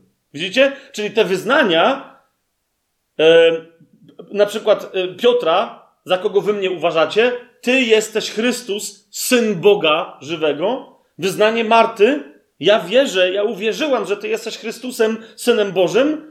Wezwanie Jana, żebyście wierzyli, że on jest Chrystusem, Synem Bożym, nie jest bez znaczenia zaznacze, zaznaczenie, że Chrystus jest takim Chrystusem, że jest Synem Bożym, a nie takim, jakiego się Żydzi w pewnym momencie spodziewali. Jest to jasne, co, co teraz mówię? A dlatego, żebyśmy mieli pełny obraz Chrystusa, czyli Pana, musimy wiedzieć, że jest Synem Bożym i musimy wyznawać Go, przyznawać się do Niego jako do Syna Bożego i bronić Go jako Syna Bożego w nas. Otóż, co to znaczy wobec tego, że Chrystus jest Synem Bożym? Co głosił Paweł w tych synagogach? Co, z czym on tam przyłaził? I, i, I o co mu tam w ogóle mogło chodzić? Zwłaszcza, że otwórzmy sobie psalm y, drugi, żeby tu zrozumieć pewien kontekst. Y, psalm drugi.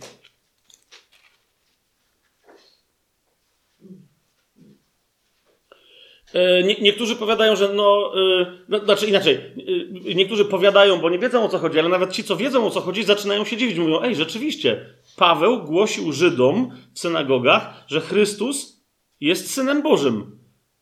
On mówi, ale przecież Żydzi wiedzieli, że Chrystus ma być Synem Bożym. To co on im tłumaczył? Skąd Żydzi wiedzieli, że Chrystus ma być Synem Bożym? No, oni wiedzieli, tylko mieli specyficzne zrozumienie. Skąd wiedzieli? Na przykład z psalmu drugiego, Spójrzcie, w psalmie drugim pojawia się Chrystus. W drugim wersecie. Królowie ziemscy, ziemscy powstają, a władcy naradzają się wspólnie przeciwko Panu i Jego pomazańcowi. To jest Chrystus, tak? Przeciwko Panu i przeciwko temu, który jest Jego Hamasija, tak? Przeciwko Jego Mesjaszowi, bo Mesjasz oznacza pomazańca, tego, który jest namaszczony oliwą w specjalny sposób i, i do specjalnego przeznaczenia. Widzicie, jest Chrystus, tak? Widzicie? Dobra, i teraz spójrzcie. Tenże Pan mówi do niego w siódmym wersecie, z tym, że to wyznaje sam pomazaniec. Teraz już nie będziemy, wiecie, rozważać dlaczego, skąd my to wiemy, że tak jest. Po prostu na razie, bo, bo to będzie na to kiedy indziej czas, ale chodzi o to, że tutaj e, tenże pomazaniec, który jest Panem, zauważcie tutaj, wyznaje ciekawą rzecz. E, znaczy, tu, tu, jeszcze nie wyznaje, że jest Panem i to z tego nie wynika, ale e, Bóg, po, do, Bóg pomazańcowi wyznaje, że jest jego synem. Tak? Pan powiedział do mnie, i, i to wyznaje pomazaniec, ty jesteś moim synem, ja ciebie dzisiaj zrodziłem. Widzicie to, tak? I Żydzi mieli jasność, że, e, że e, pomazaniec, ten, który ma nadejść, król Izraela, Chrystus, czyli Hamaszyja, czyli Mesjasz, że jest synem Bożym. No to co tam takiego dziwnego zaczął Paweł wygłaszać, czego by Żydzi nie wiedzieli? Co więcej, że tak ich wkurzał, że go zaczęli prześladować. Od razu. Chcieli go zabić. E, otwórzmy sobie list do Hebrajczyków. Z znowu.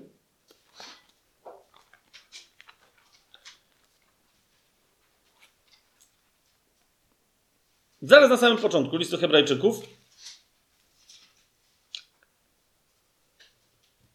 Pewnym sensie musiało to trochę tak wyglądać. Tak? Yy, ktoś tam znowu mi gdzieś tam pisał, że, że listu do Hebrajczyków nie napisał Paweł, yy, bo nie ma napisane w nim, że go napisał Paweł. Yy, znowu nie będę tłumaczył, po prostu, za, za każdym razem powtarzam, że, że wszystkie znaki na niebie i na ziemi dla mnie, mogę się mylić, ale jednak jestem przekonany, że, że albo napisał ktoś bardzo, bardzo, bardzo podobny list do Hebrajczyków, ktoś bardzo podobny do Pawła, albo po prostu Paweł. Tak? Otóż zobaczcie, od czego się w ogóle zaczyna. Według mnie list do Hebrajczyków jest formą streszczenia tego, jak Paweł głosił do Żydów pewne, pewne rzeczy. Tak? Zobaczcie, jak, jak zaczyna się e, list do Hebrajczyków, pierwszy rozdział, pierwszy i drugi werset. Bóg, który wielokrotnie i na różne sposoby przemawiał niegdyś do ojców przez proroków, w tych ostatecznych dniach przemówił do nas przez swojego syna, którego ustanowił dziedzicem wszystkiego, przez którego też stworzył światy. Widzicie, jeżeli to są wierzący Hebrajczycy, to spoko. Jak to są niewierzący Hebrajczycy, to już w pierwszym zdaniu mają cios między oczy. Tak? No nagle się okazuje, że ten syn jest dosyć wyjątkowy i on uczestniczył jako mądrość. Jeśli pamiętacie postać mądrości, on jest mądrością, przez którą Pan stworzył światy. Także wieki, epoki, tak? Historyczne. I teraz spójrzcie E, w piąty werset tego pierwszego rozdziału. E, Paweł, list, e, autor, niech będzie listu do Hebrajczyków, powiada, do którego bowiem z aniołów powiedział kiedykolwiek: Ty jesteś moim synem, ja ciebie dziś zrodziłem, i znowu w innym miejscu ja będę mu ojcem, a on będzie mi synem. Widzicie, tak? To mówi: Tym gościem jest pomazaniec, którego znacie z psalmu drugiego. Ten, do którego on to powiedział, on jest ostatecznym objawieniem. Przez niego też Bóg stworzył wszystkie światy. Ale jeszcze rozumiecie, jeszcze myślę, że jakiś Żyd wziąłby to i powiedział: Okej, okay, dobra, powoli może coś się składa. Jeszcze tu nie powinno nic tak zaszokować Żyda, uczonego w piśmie, rabina, żeby się aż tak wkurzył. Ale otwórzmy sobie list do Hebrajczyków, piąty rozdział. I zobaczcie w piątym rozdziale, piąty werset. Podobnie i Chrystus nie sam siebie okrył chwałą, aby stać się najwyższym kapłanem, ale ten, który powiedział do niego: Ty jesteś moim synem, ja ciebie dziś zrodziłem. Widzicie to, tak? Jeszcze raz, pomazaniec, to jest jeszcze raz powiedziane, został okryty chwałą, tak? Przez kogo? Przez tego, który jest często w Biblii nazywany chwałą we własnej osobie. Tak? Chwałą zasiadającą na tronie. No więc, yy, ale jeszcze ktoś by powiedział, no to jeszcze niekoniecznie mogłoby to zdenerwować jakiegokolwiek uczonego w piśmie. Otwórzmy sobie list do Hebrajczyków, który rozwija tutaj pewną tezę. Dziesiąty rozdział, piąty werset. Dlatego przychodząc na świat, tu już mówi autor listu do Hebrajczyków wprost do tego Chrystusa, który został okryty chwałą. Dlatego przechodząc na świat, mówi: Ofiary ani daru nie chciałeś. To jest Chrystus, który mówi do swojego ojca, będąc synem Bożym. Zobaczcie, ofiary ani daru nie chciałeś, ale przygotowałeś mi ciało.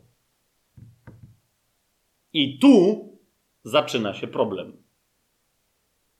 Tutaj zaczyna się problem, który również dzisiaj w chrześcijaństwie niestety się pojawia, kochani. Dlatego chcę go bardzo mocno podkreślić, wytłuścić.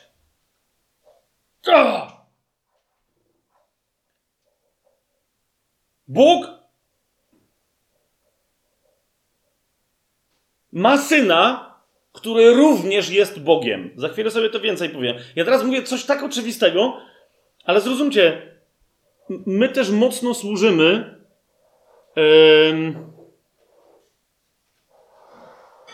nie tylko tym, którzy się z nami jakoś zgadzają yy, w sensie wyznania wiary i tak dalej, tak?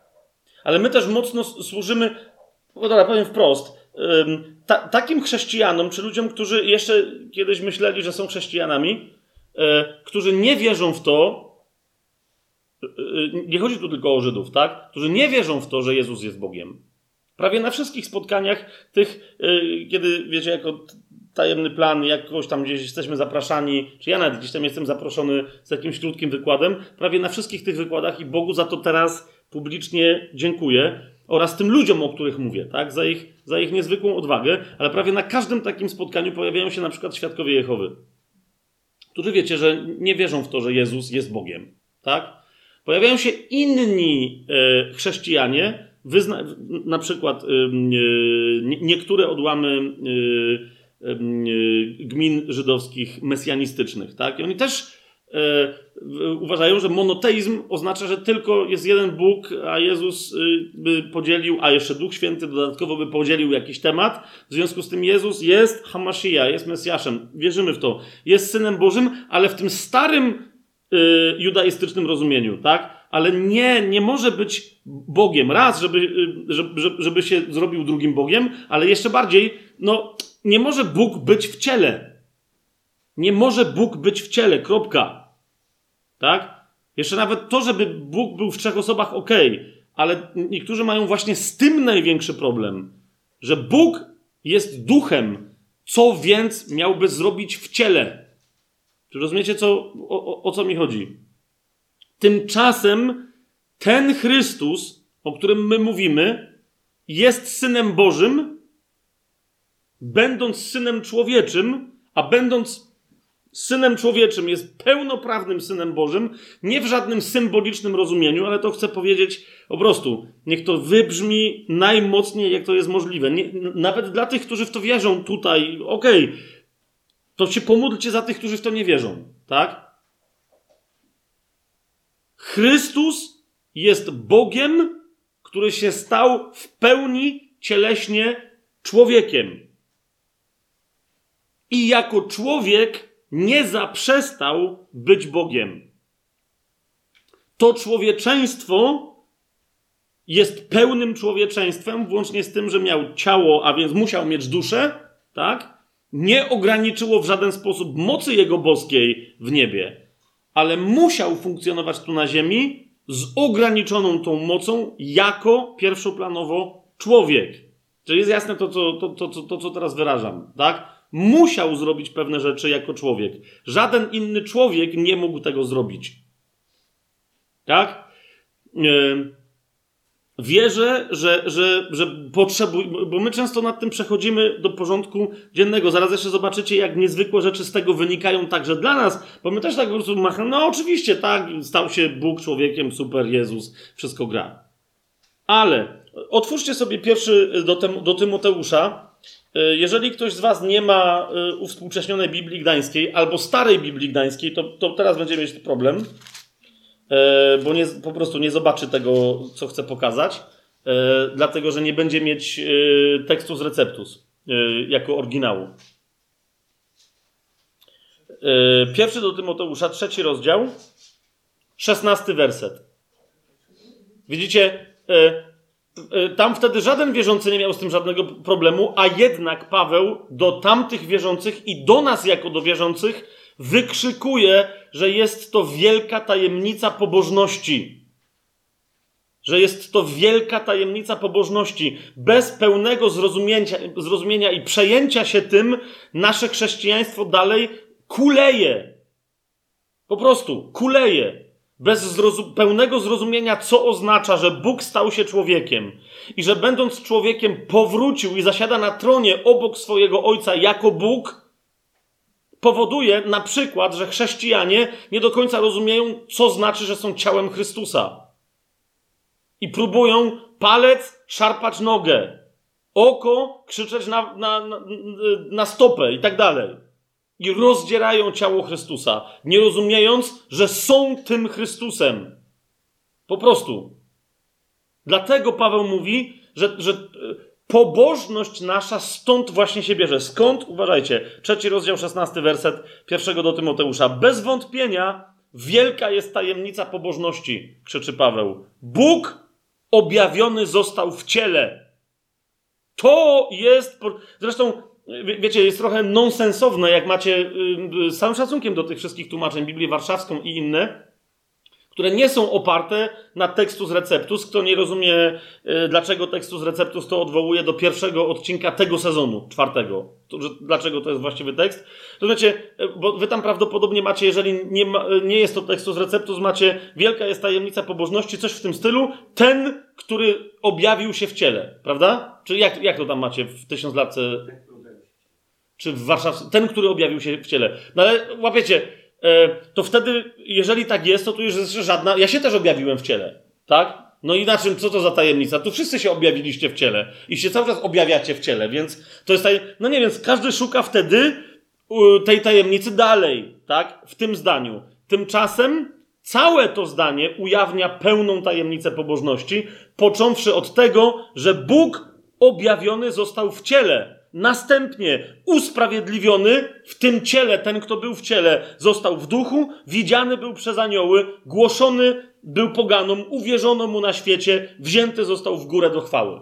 I to jest dopiero cała pełna. Każdy fragment tego zdania i całe to zdanie ujawnia. Nie, rozumiecie, jeżeli pierwsza część tego zdania nie ujawnia żadnej tajemnicy, to co to za tajemnica? Jeszcze wielka. A więc jeszcze raz, bez wątpienia, wielka jest tajemnica pobożności, Bóg objawiony został w ciele i tak dalej. Tak? Bóg objawiony mm, e, został w ciele. Otwórzmy sobie pierwszy list Jana. Teraz, teraz widzicie, chcę wam pokazać, że wyznanie Jezusa jako Syna Bożego w nowy sposób jest właśnie wyznaniem, że ten nieprawdopodobny, do wyobrażenia, do pojęcia, do ogarnięcia, niemożliwy do ogarnięcia Bóg wyraził się w ciele. Objawiony został w ciele. I powiedział, nawiasem mówiąc, kto mnie widzi, widzi też i Ojca. Pamiętacie to, tak? Otwórzcie sobie pierwszy rozdział Ewangelii Jana. Pierwszy, pierwszy, pierwszutki. Jan, który na końcu skonkluduje, tak? Y, że wszystko to napisał, aby uwierzyć, że Jezus jest Chrystusem, Synem Bożym. Zauważcie, od czego zaczyna swoją Ewangelię. Pierwszy rozdział, czternasty werset. No w ogóle pierwszy rozdział, pierwszy werset mówi: Na początku było słowo, a słowo było u Boga i Bogiem było słowo. Tak? Więc widzicie, że Bóg ma w sobie jakąś tam historię, tak? W ramach której jest jakieś słowo, które nie do końca jest ojcem. Ale jest jeden Bóg. I teraz mówi, że to słowo, które jest Bogiem, patrzcie co się dalej stało, czternasty werset, to słowo stało się ciałem. On nie pozostawia żadnych wątpliwości w tej kwestii. To słowo stało się ciałem, mieszkało wśród nas. No tam niektórzy będą potem mówić, że tu jest trochę inne. Tu okej, okay. na razie nie, nieistotne. To słowo stało się ciałem, mieszkało wśród nas i widzieliśmy Jego chwałę, chwałę jako jednorodzonego od Ojca, pełne łaski i prawdy. Widzicie to? I teraz e, szybciutko sobie e, zerknijmy jeszcze e, w osiemnasty werset. Popatrzcie. Boga nikt nigdy nie widział. Jednorodzony syn, który jest w łonie ojca, on nam o nim opowiedział. Boga nikt nigdy nie widział. Jednorodzony syn kogo? Tegoż Boga, który się stał ciałem, ale który nie egzystował jako ciało od początku. Czy jest to jasne, co mówię? Nie, nie jest jasne, bo Weronika kichała. Okej, okay. na, na, na, zdrowie. Je, jeszcze raz. Ten sam, który egzystował, jest opisany w pierwszym wersecie. Od zawsze, bo jest takim samym Bogiem, ja wiem, że tam świadkowie Jehowy mają te swoje koncepcje, że ten był Bogiem z dużej litery, ten z małej. Sprawdźcie sobie oryginał. Nie ma w ogóle takiej, takiej możliwości w języku greckim i tam, że ten był pisany z dużej, ten z małej, ten z jakimś tam przedimkiem, a tamten z zarostkiem. Nie. Nie. Bo wszędzie, gdzie sprawdzicie Boga, Bóg jest Bogiem, tak? A ten Bóg tu na początku, tak? To jest ten, u którego było słowo, a to słowo było tymże Bogiem, u którego było. Po prostu. Boga nikt nigdy nie widział, ale doszło do cudu, i to jest ta niezwykła tajemnica pobożności, że pojawił się Boga syn, jednorodzony syn, który jest w łonie ojca. On nam o tym, że Bogu yy, opowiedział. List do Filipian, yy, drugi rozdział sobie otwórzmy. Yy, uwspółcześniona Biblia Gdańska ma tutaj znowu świetne, świetne tłumaczenie. Yy, tego, co się wydarzyło. Drugi rozdział, szósty werset, zobaczmy. Szósty, siódmy i ósmy. Eee, zobaczcie, w piątym wersecie jest mowa o Chrystusie, którym jest Jezus. Widzicie? O Chrystusie Jezusie, tak? I co jest powiedziane? Że On, szósty, siódmy i ósmy werset, drugi rozdział listu do Filipian, szósty, siódmy, ósmy werset, że On, będąc w postaci Boga, nie uważał bycia równym Bogu za grabież. E, fantastyczne tłumaczenie, ale nie będę się teraz to, w to zagłębiał, dlaczego, co to w ogóle miałoby oznaczać, ale naprawdę to jest, wiem, że nieco brutalne i takie surowe, ale świetne tłumaczenie. Będąc w postaci Boga, nie uważał bycia równym Bogu za grabież, lecz samego siebie ogołocił. Powiedzielibyśmy, ograbił, przyjmując postać sługi i stając się podobnym do ludzi a z postawy uznany za człowieka uniżył samego siebie i był posłuszny aż do śmierci, i to śmierci krzyżowej. Eee, są tacy, którzy wyjmują ten werset i dlatego ja go celowo przywołuję, tak? Mówiąc, że Syn Boży to jest ani Bóg, ani człowiek. Tak? Dlaczego? No bo jest powiedziane wyraźnie, że on istniał w postaci Boga. To, yy, Niechże będzie takie tłumaczenie, a potem się pojawił, zobaczcie, przyjmując postać sługi, będąc podobnym do ludzi. Tak? I mówią, ani, ani on Bogiem nie był, bo miał tylko taką postać, ani on człowiekiem nie był, bo miał tylko taką postać. Więc, jeszcze raz, w wielu innych miejscach widzimy już, parę nawet tu przywołałem, Chrystus jest Bogiem, i Chrystus staje się naprawdę człowiekiem. To, o jakie postaci y, tutaj chodzi o to, tutaj ta postać jest, jest kwestią istoty samej w sobie. Jeżeli coś jest istotą czegoś, to jest, wiecie, najpełniejszą właściwością, tak? Tutaj o to chodzi, że on będąc naprawdę Bogiem, stał się naprawdę człowiekiem. W tym sensie był podobny do ludzi, ponieważ nie stał się takim jak wszyscy inni, bo wiemy, pamiętacie, z listu do Hebrajczyków bodaj tak, e, e, że on był do nas podobny we wszystkim z wyjątkiem grzechu. I tu o to e, chodzi temu samemu autorowi zresztą tutaj, tak? Że był podobny do ludzi, żeby zaznaczyć, że nie był taki sam jak wszyscy ludzie, gdyż jedna bardzo istotna cecha ludzka, czyli grzeszność, akurat tej nie miał. Tak? Natomiast jak ważne jest, uważajcie, żeby wierząc w to, że Chrystus jest Bogiem, jednocześnie wierzyć, że był człowiekiem. I jeszcze raz, że był naprawdę człowiekiem, który miał ciało, tak? A następnie jeszcze, że zmartwychwstał w ciele. Bo tutaj widzicie, był posłuszny aż do śmierci i to śmierci krzyżowej. Muzułmanie na przykład kwestionują realność śmierci Jezusa cielesnej na krzyżu, tak? W różnych tam swoich odmianach. No, świadkowie na przykład y, też, tam jakieś odmiany badaczy pisma i tak dalej. Zobaczcie, bardzo jednoznacznie do tej kwestii odnosi się Jan w swoim pierwszym liście. Surowo, ale uważa, że po prostu nie ma innej możliwości i że należy te kwestie poruszyć i nie popuścić. To jest list, pierwszy list Jana, e, czwarty rozdział, drugi i trzeci werset. Oczywiście to nie jest jedyny sposób rozróżniania duchów. Tutaj Jan mówi, jak się rozróżnia duchy, ale on zwraca uwagę na jednego bardzo groźnego ducha. Zobaczcie, co mówi. Po tym poznacie ducha Bożego. Każdy duch, który wyznaje, że Jezus jako Chrystus przyszedł w ciele, jest z Boga. I teraz patrzcie, każdy zaś duch, który nie wyznaje, że Jezus Chrystus przyszedł w ciele, nie jest z Boga.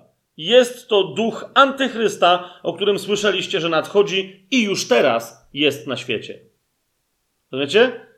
Najgorszy z możliwych złych duchów, ponieważ łączy sobie przewrotność duchów zwodzenia religijnego, pseudouczoności, e, mamienia, czynienia fałszywych cudów. To najgorszy z możliwych złych duchów, tak? Powiedziałbym, że prawdopodobnie Belzebub sam we własnej osobie to jest duch antychrysta, tak? I Jan mówi, że ducha antychrysta z całą pewnością poznacie po tym, że będzie przeczył, jakoby Jezus przyszedł w autentycznym ciele. Widzicie to? E, ten fragment myślę, że nie pozostawia żadnych wątpliwości. Ewangelię Mateusza wobec tego e, sobie otwórzmy. E, Ewangelię Mateusza. Bo tu myślę, że to jest wystarczająco rozjaśnione, jak ważne jest wierzenie, że Syn Boży jest Synem Człowieczym dosłownie, czyli że jest cielesny. Tak? To Ewangelię Mateusza e, sobie otwórzmy, 22 rozdział.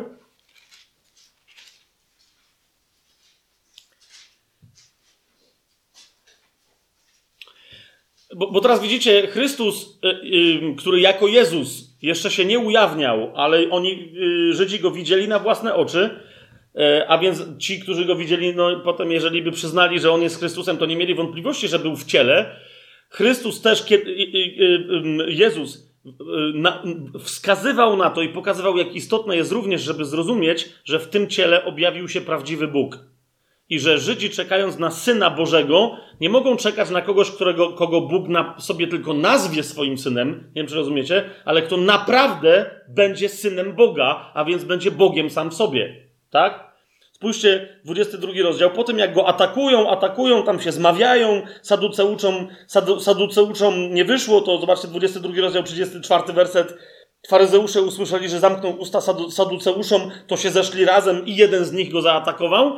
Więc już po tych wszystkich atakach, czym Jezus odpowiada tak bardzo, że zamyka im usta?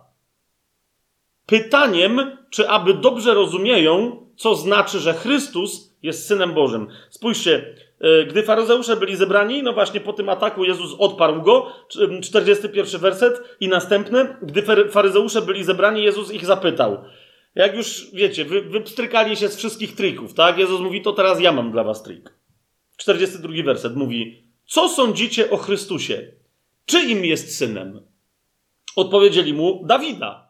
Dlatego wiecie, e, wszędzie, gdzie w Ewangelii ktoś wyznaje Jezusie, synu Dawida, mówi Jezusie, który jesteś Chrystusem. I teraz widzicie, dlaczego, jeżeli ktoś wyznaje, że Chrystus jest tylko synem Dawida, widzicie, dlaczego to nie wystarczy. Jezus to wyjaśnia, tak? Bo oni wierzą, że Chrystus jest synem czyim? Dawida. Ma zasiąść na tronie Dawida, tak? Więc oni mówią, no jest synem Dawida. A on im powiedział, jakże więc Dawid w duchu nazywa go panem, mówiąc, i tu cytuję psalm, powiedział pan mojemu panu, siądź po mojej prawicy, aż położę twoich nieprzyjaciół jako podnóżek pod twoje stopy. I szybciutko im podsuwa, na czym polega problem w, w tym pytaniu z psalmu, które widzieli miliard razy. Jeżeli Dawid nazywa go panem, to jakże on może być jego synem? W rozumieniu, że w tej kulturze nigdy syn nie może nazwać, y, ojciec nie może nazwać panem swojego syna. To jest bez sensu. Tak?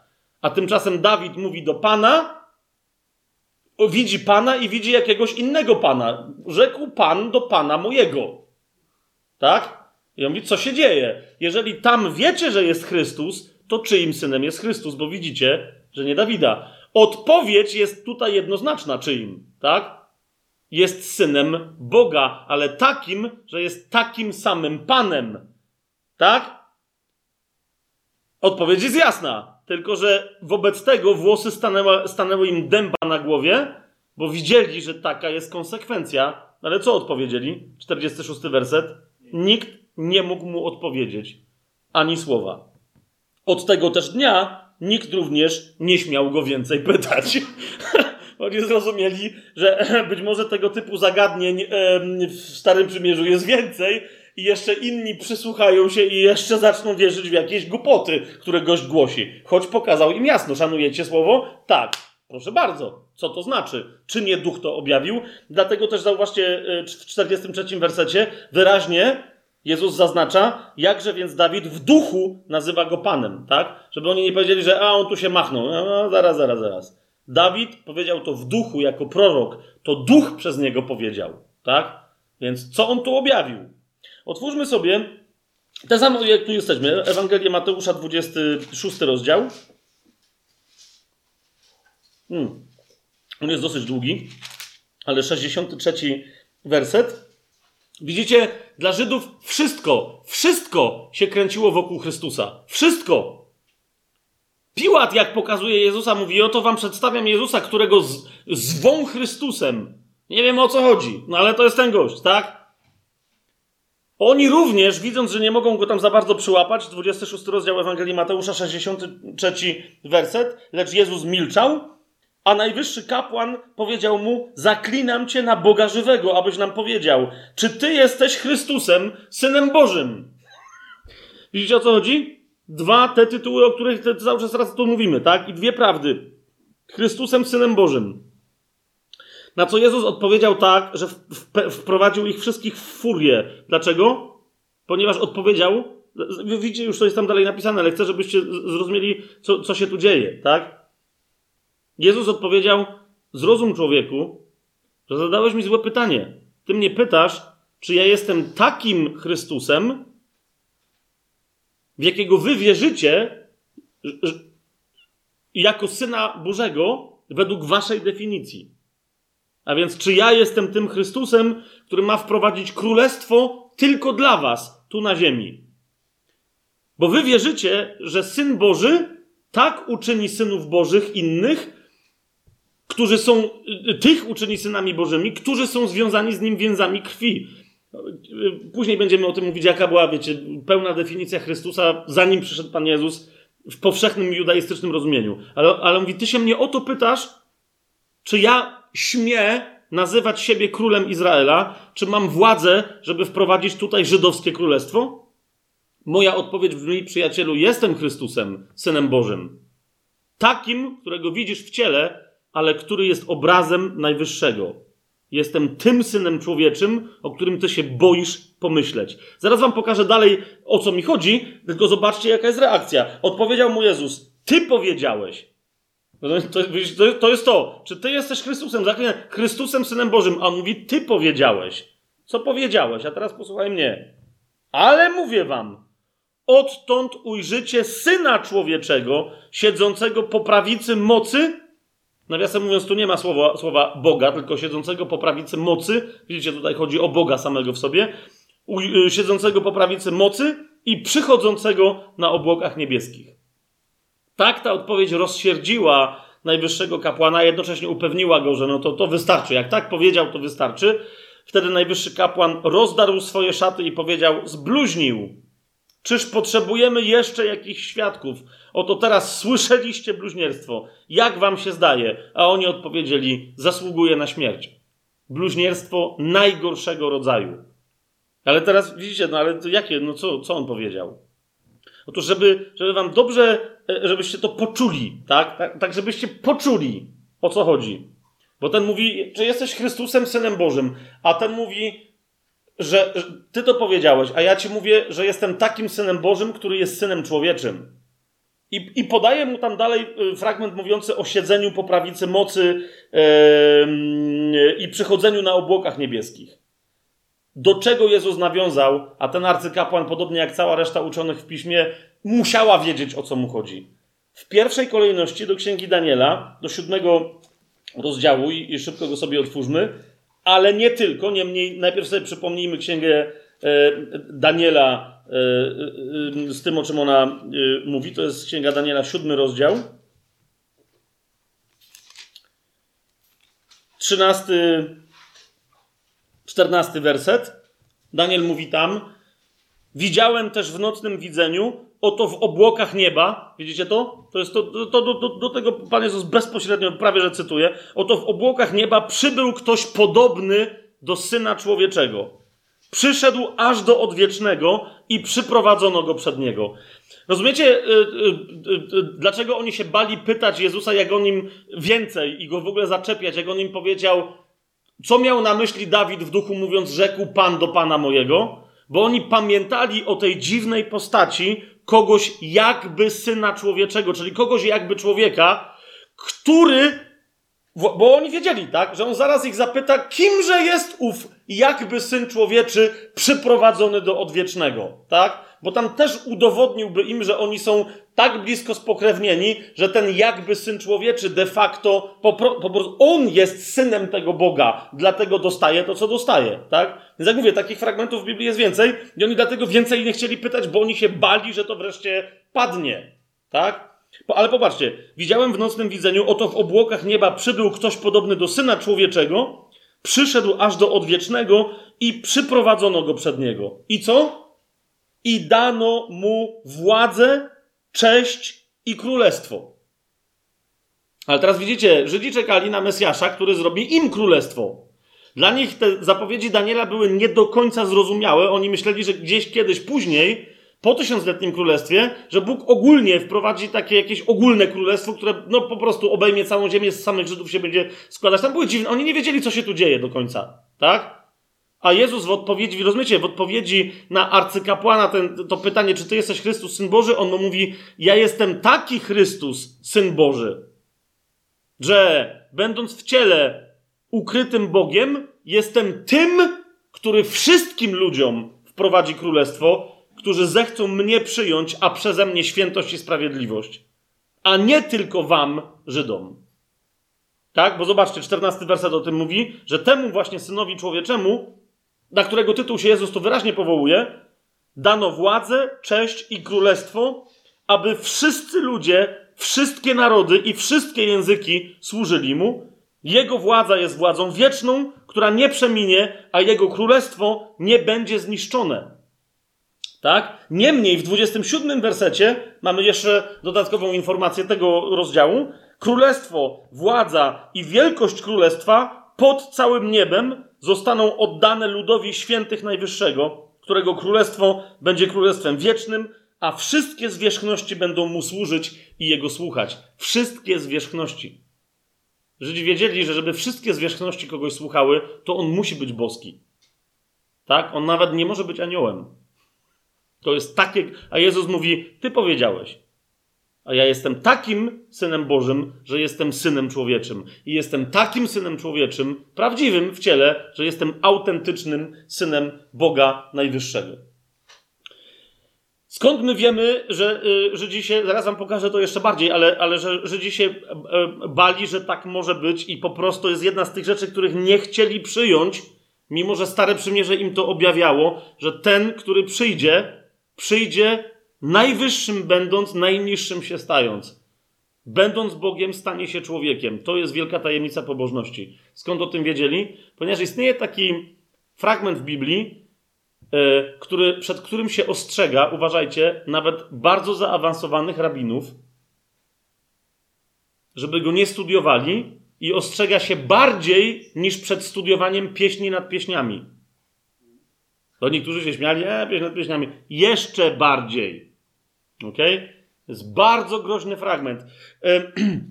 Nawiasem mówiąc, e, żeby wam udowodnić, że tak jest, mam tu ze sobą książkę e, rabina Ashera Intratera, nawróconego. E, książka nazywa się Kto jadł obiad z Abrahamem? Nie wiem, to będzie widać, tak jak tu do kamery dam. Kto jadł obiad z Abrahamem? Odkryj, kim jest tajemnicza postać, która spotyka się z bohaterami wiary. Polecam wam Znowu, nawet nie wiem za bardzo, kto to wydał, ale mniejsza o to, tak? Wszyscy wiedzą dobrze, że my nie mamy z tego żadnych profitów. Polecam, jeżeli czasem polecam jakąś rzecz, to dlatego, że jest świetna. Aha, wydawnictwo Koinonia. Dalej nie wiem o co chodzi, ale na pewno znajdziecie w internecie, kto to będzie chciał, nie wiem, dostać, zapoznać się z tym. I teraz na temat tego fragmentu, który zaraz wam przeczytam, rabin Intrater pisze, że jest ostrzeżenie, jest mnóstwo ostrzeżeń, w tym znajduje się ostrzeżenie następujące. Zawarty w Talmudzie babilońskim traktat Hagiga w arkuszu 14 na stronie B przestrzega nawet największych mędrców, tu największych dodałem, nawet mędrców przed samodzielnym czytaniem tego fragmentu, tego rozdziału, który zaraz wam przedstawię. I teraz uważajcie, jest taka, opowiada również historię czterech rabinów, którzy studiowali go dogłębnie. Coś jest, żeby ostrzec, uważajcie, bo się źle skończy. Uwaga. Przedstawia historię czterech rabinów, którzy studiowali go dogłębnie. Jeden umarł, drugi oszalał, a trzeci stał się apostatą, w nawiasie chrześcijaninem. Kapujecie, jest na, y, y, umrzeć, no straszne, tak? Dla rabina, wiecie, mędrca, cadyka, oszaleć jest gorzej jak umrzeć. Jeszcze gorzej niż oszaleć jest zostać chrześcijaninem, tak?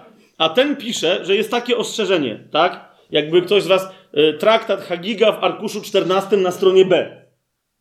Talmudu babilońskiego, tak? Y, I tu jest uwaga, jedynie y, y, Rebe Akiwa uszedł z tego cało. No ale rabin Akiwa. Okej, okay, na, na, jego temat na razie się nie, nie będę wypowiadał. Otóż cóż to jest za fragment?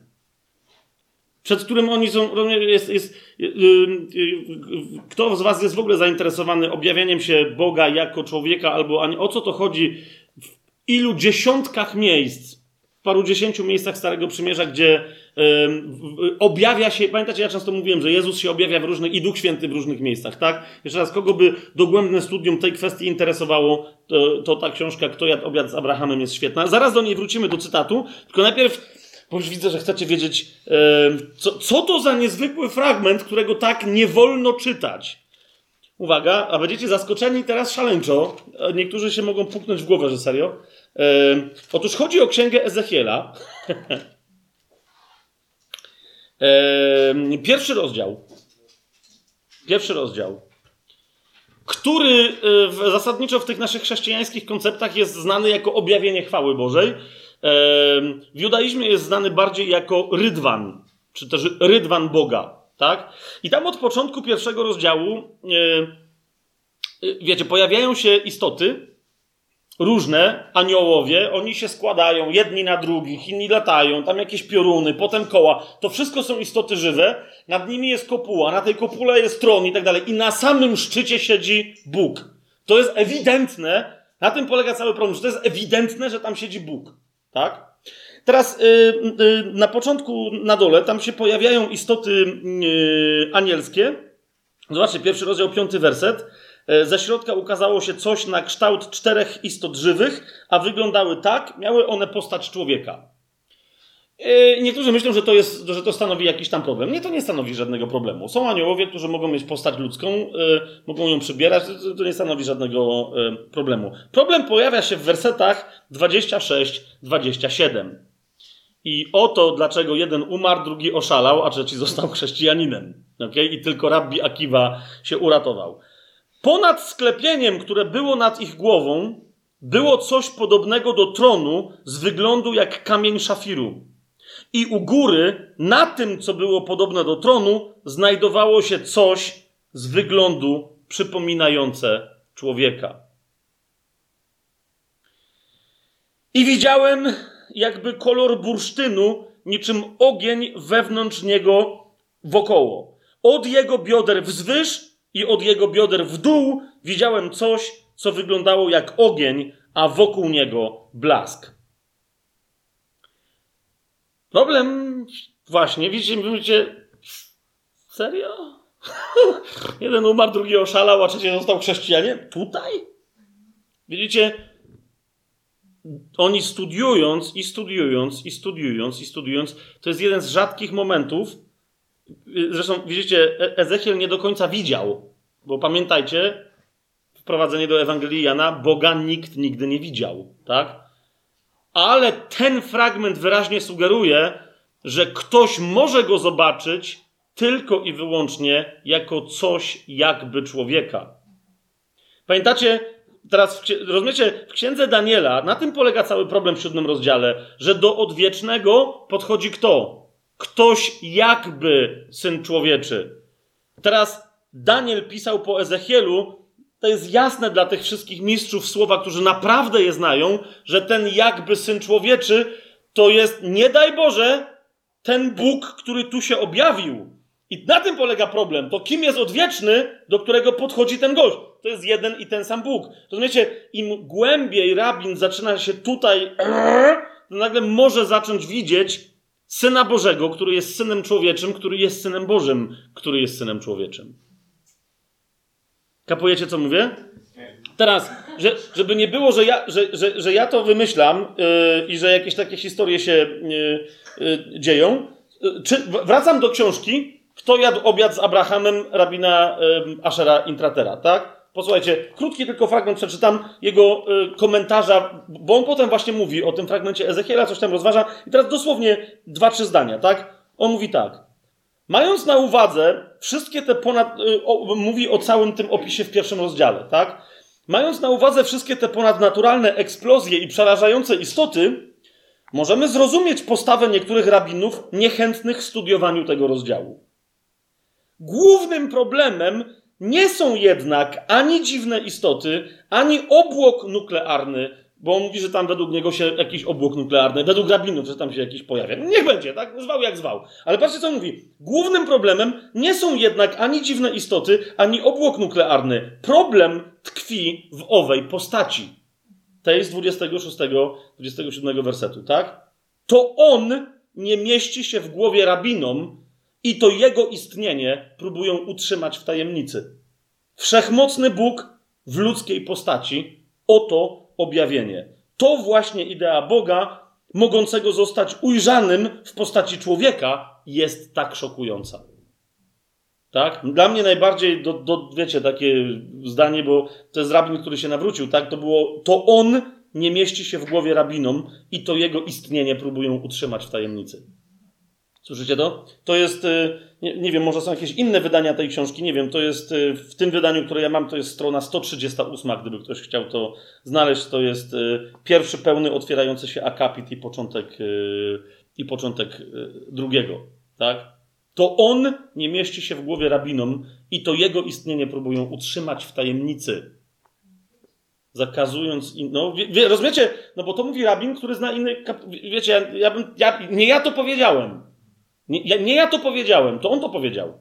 Tak? Teraz być może, że jest to, wiecie, próba nieświadomego utrzymywania w tajemnicy tego czegoś przed samym sobą. Kapujecie, tak? Ale to jest dokładnie to, co powiedział Jezus, mówiąc do arcykapłana: Ty powiedziałeś, Chrystus, syn Boży, a ja ci mówię, syn Boży, który jest owym jakby synem człowieczym. Teraz widzisz, stał się naprawdę synem człowieczym. Jest to jasne? Szokujące historie.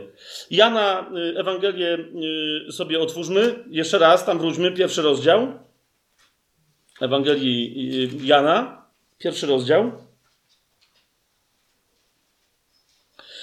E, widzicie, sęk w tym, że Jezus, zwłaszcza uczonym w piśmie, on przed nimi tego nie ukrywał. On, on im to objawiał na wiele różnych możliwych sposobów. Jednym z takich uczonych w piśmie, którego teraz yy, chcę Wam yy, przedstawić, jest, nie wszyscy wiedzą, że on był uczony w piśmie, stawiam na to bardzo wiele, tak? Może nie wszyscy, życia bym nie postawił, ale stawiam na to bardzo wiele, że to był uczony w piśmie. Y, to jest Natanael. Pamiętacie Natanaela? Parę dowodów na to. Z samego tylko tego pierwszego rozdziału Ewangelii Janowej, że on był uczonym w piśmie. Po pierwsze, zauważcie, w 45 wersecie Filip znalazł Natanaela.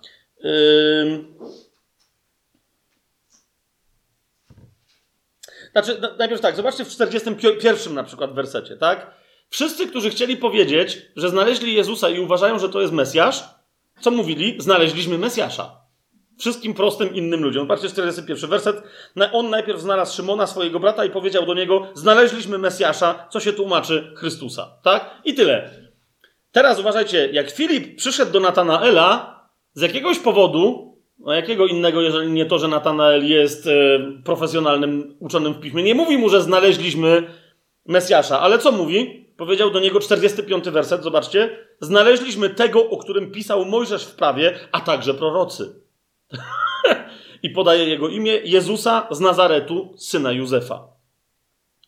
Dalej, no ewidentnie normalnemu człowiekowi by, by, by, po pierwsze by się zastanowił chwilę, czyli o kim pisał Mojżesz oraz wszyscy prorocy, nie, no Mesjasza, nie możesz od razu tak mówić, to by była taka rozmowa, tak? Ten nie, od razu wiedział o co chodzi, ale odpowiada nikt inny, tylko uczony w piśmie, kto wie o co chodzi z ziemią Zabulona i Neftalego i tak dalej, nikt inny nie wpadłby na to, żeby powiedzieć 46 werset, czy z Nazaretu może być coś dobrego.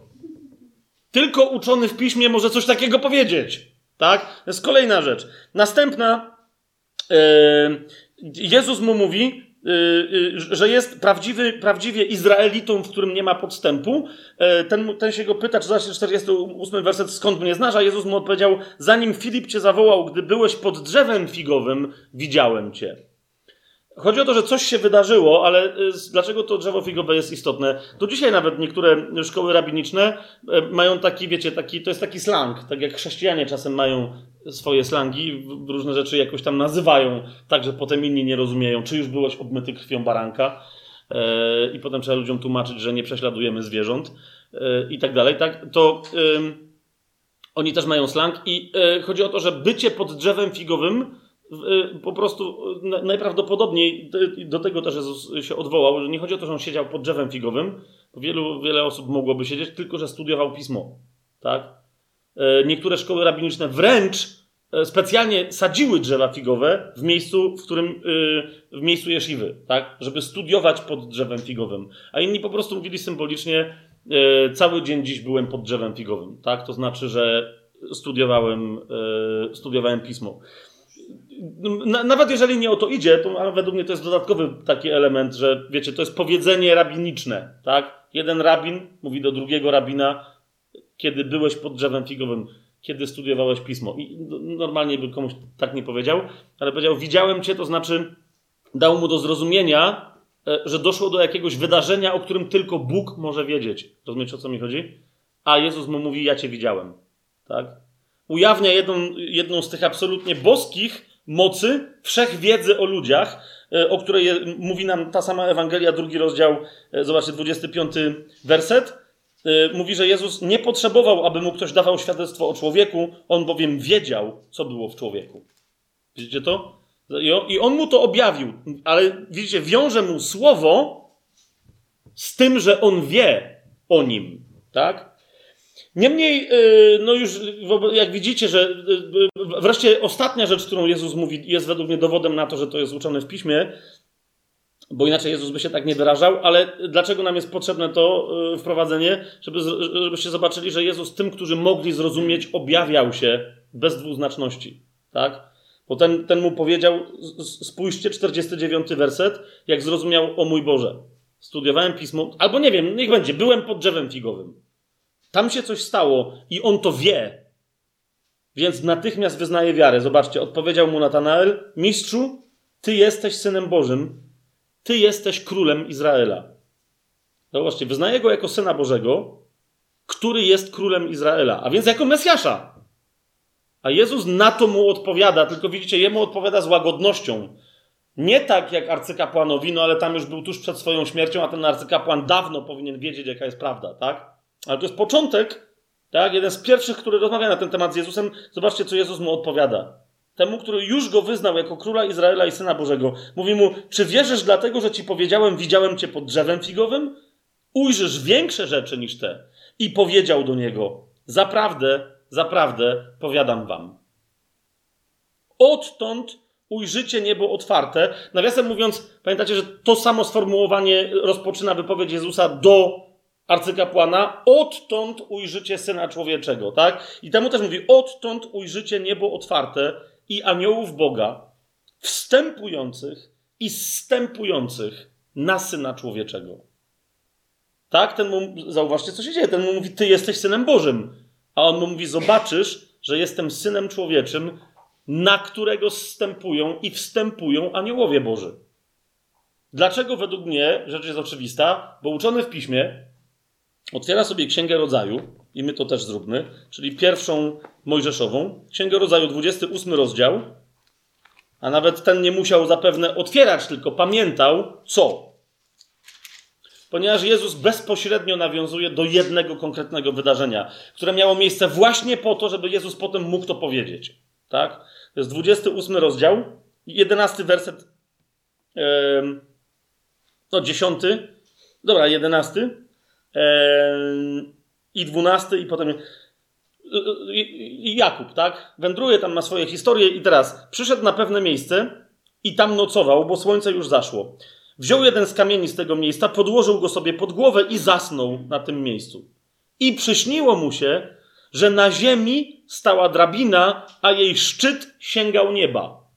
Okej, okay. zwróćcie uwagę na to. Widzicie to? Nie pierwszego, drugiego, trzeciego, po prostu sięgał tego nieba, w którym jest Pan, bo za chwilę w 13 wersecie dowiadujemy się, że Pan stał nad nią. A zatem mamy do czynienia z drabiną, która jest połączeniem tego, co ziemskie i tego, co niebieskie. To samo w sobie jest cudem, tak? Ponieważ te rzeczywistości w Starym Przymierzu są absolutnie rozgraniczone, albo jedno, albo drugie, tak?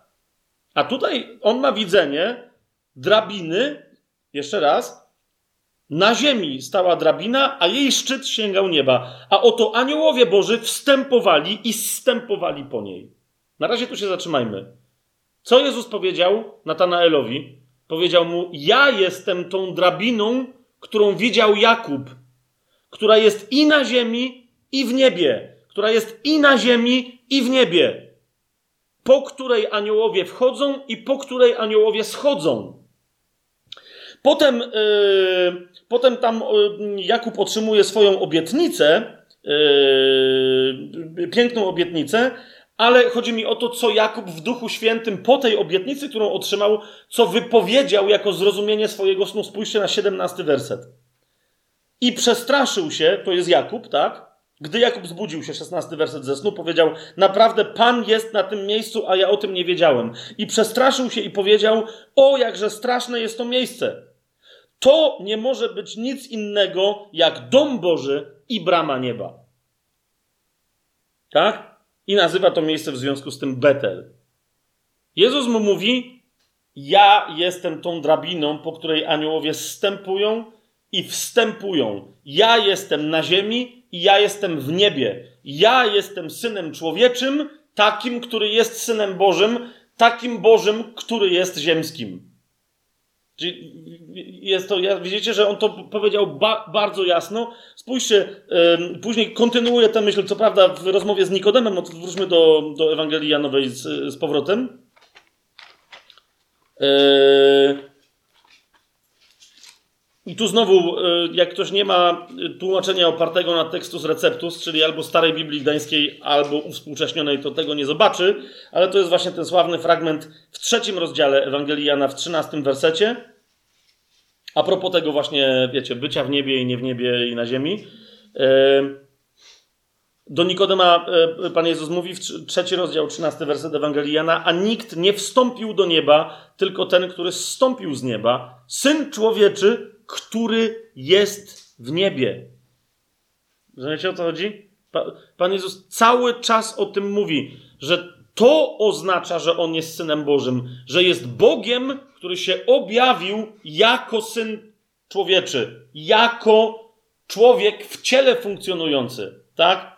Ale nadal pozostaje w niebie. Nikt, nawet anioł nie może czegoś takiego zrobić. O to chodzi. Anioł musi stąpić na ziemię, objawić się, na przykład tak jak Gabriel yy, Marii, objawić się jej jako mężczyzna. I ona się przestraszyła, bo nie znała go, tak? Ale on wtedy nie może być w niebie. No rozumiecie o co chodzi? Jest albo tu, albo tu. O, Jezus mówi, że jest kimś takim, kto jest drabiną między niebem, po której mogą aniołowie się przemieszczać w te i we w te. Tak? Rozumiecie później, co znaczy, że on jest pośrednikiem, jedynym pośrednikiem między Bogiem a ludźmi. Tak? Nasze modlitwy tylko przez Niego. Nie ma żadnych innych pośredników, żadnych po prostu matek boskich, świętych, jakichś innych, wiecie, mistycznych wstawienników duchowych. Nie, nie. Dlatego że nasze po prostu wstępujące i wstępujące aniołowie oznaczają komunikację między ziemią a Bogiem, między ludźmi, którzy zanoszą modlitwy, a Bogiem, który ich wysłuchuje. To są ci aniołowie latający w tej i we w te. Nie ma żadnej innej drogi niż Jezus. O to chodzi. Tak? I on to mówi. On to, on to mówi, że już ja jestem drogą. To jest to, o, o co mu chodzi. Ja jestem drogą, kiedy to mówi prawdą i życiem. I nikt nie może przyjść do Ojca inaczej, jak tylko przeze mnie. Ani aniołowie, ani ludzie nawet w tym, w tym sensie, wiecie, nawet aniołowie, tak, nie mogą tam podejść. Jasne to jest? Dobrze, więc widzicie, wyznanie, teraz posłuchajcie, wyznanie Syna Bożego z tym zrozumieniem, powiedziałbym, jest wystarczające i mamy na to konkretny, konkretnych parę dowodów. Jest, jeżeli ktoś ma to zrozumienie i wyzna Syna Bożego, wystarczy, żeby był zbawiony, bo wyznał go jako Pana i jako Chrystusa. Po prostu. Nie, żeby, żeby nie było, e, e, otwórzmy sobie dzieje apostolskie, jako jeden z przykładów e, właśnie tego typu sytuacji. To jest ósmy rozdział, dzieje apostolskie, ósmy rozdział. Sławna scena, ale chciałbym, żebyście zwrócili uwagę, co się tam dzieje. Teraz dokładnie. Bo czasem się do niej odwołujemy, ale zobaczcie, co się tam dzieje. To jest Filip nawracający Etiopa. Tak? Ale, ale y, przestudiujmy teraz ten fragment, pamiętając o tym, o czym mówimy. Jak świadomość, że Syn Boży jest prawdziwie Bogiem, który naprawdę stał się człowiekiem, jest kluczowa dla całej reszty doświadczenia zbawienia, a potem także dla królestwa. To jest ósmy rozdział od 27 wersetu. No tam Filip wstał i poszedł, a oto przyjechał y, do Jerozolimy oddać cześć Bogu Etiopczyk, eunuch, dostojnik królowej etiopskiej Kandaki, który zarządzał jej wszystkimi skarbami. I wracał, a siedząc na swoim wozie, czytał proroka Izajasza. A duch powiedział do Filipa: Podejdź i przyłącz się do tego wozu. Kiedy Filip podbiegł, usłyszał, jak tamten czyta proroka Izajasza i zapytał: Rozumiesz, co czytasz? Rozumiesz, co czytasz? Myślę, że to jest kluczowe pytanie także dla chrześcijan dzisiaj. Rozumiesz, co czytasz?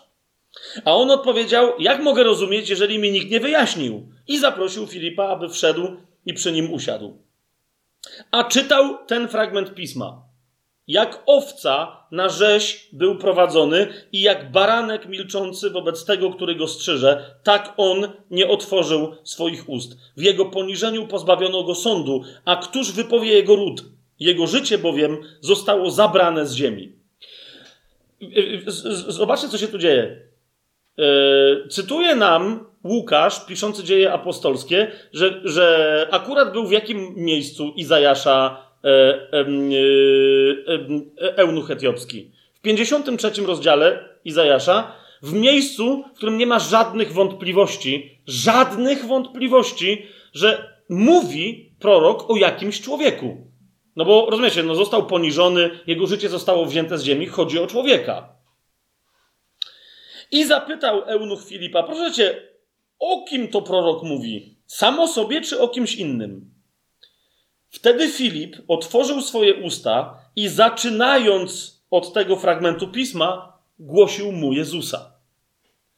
Nawiasem mówiąc, zauważcie, zaczynając od tego fragmentu pisma, to znaczy, że tamten miał inne księgi, mógł się posłużyć innymi fragmentami pisma, o tym za chwilę. I teraz popatrzcie, a gdy tak jechali drogą, przybyli nad jakąś wodę. Wówczas eunuch powiedział: Oto woda. Co stoi na przeszkodzie, żebym mógł być ochrzczony? E, interesujące, że już doszli do momentu, jak chrzest jest ważny, tak?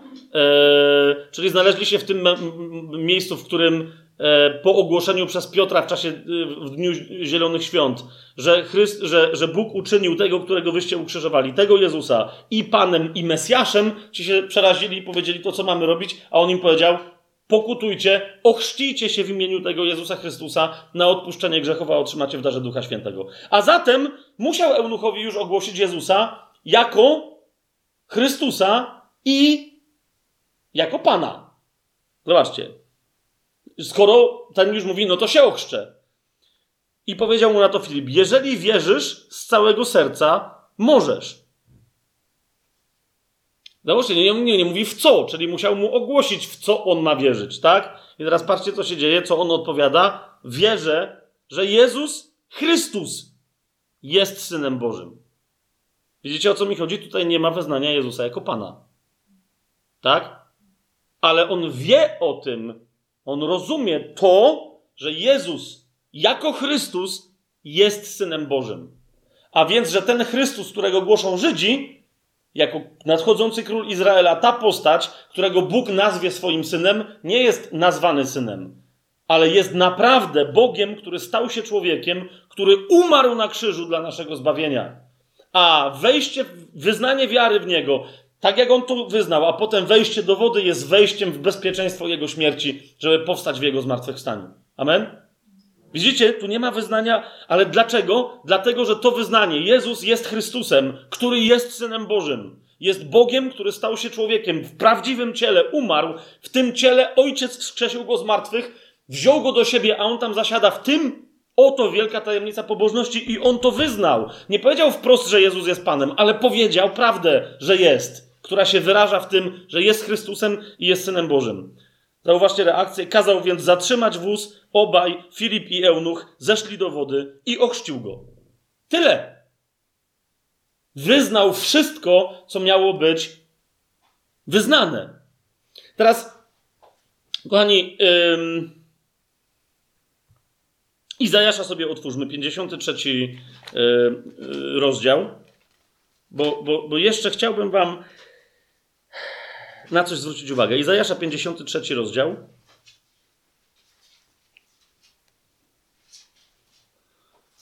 Izajasz w 53 rozdziale opowiada o słudze Jachwę, o kimś, kogo tak nazywa, że to jest sługa, służący Jachwę. 53 rozdział Izajasza. On go nazywa służącym Jachwę. I potem y, mówi y, o, o tym, jak jakiś człowiek został starty w proch i w pył, w straszliwym cierpieniu. Y, zobaczcie, czwarty, 53 rozdział, czwarty werset. W taki sposób, że ludzie widząc to cierpienie uznali, że żeby ktoś był tak zniszczony, to sam Bóg chyba musiał się na nim wyżyć. 53 rozdział, czwarty werset, patrzcie. A my, y, zaprawdę On wziął na siebie nasze cierpienia i nosił naszą boleść, a my uważaliśmy, że jest zraniony, uderzony przez Boga i utrapiony. Widzicie o co chodzi? A więc, jakby wiecie, opowiada o jakimś straszliwie uciśnionym człowieku. Pytanie brzmi, dlaczego Izajasz głoszenie o jakiejś straszliwej tragedii jakiegoś zwykłego człowieka, straszliwie poniżonego, rozpoczyna od wezwania, czy ktoś w ogóle uwierzy temu, co ja wam zaraz powiem. 53 rozdział, pierwszy werset. Zobaczcie. Kto uwierzył naszemu głoszeniu?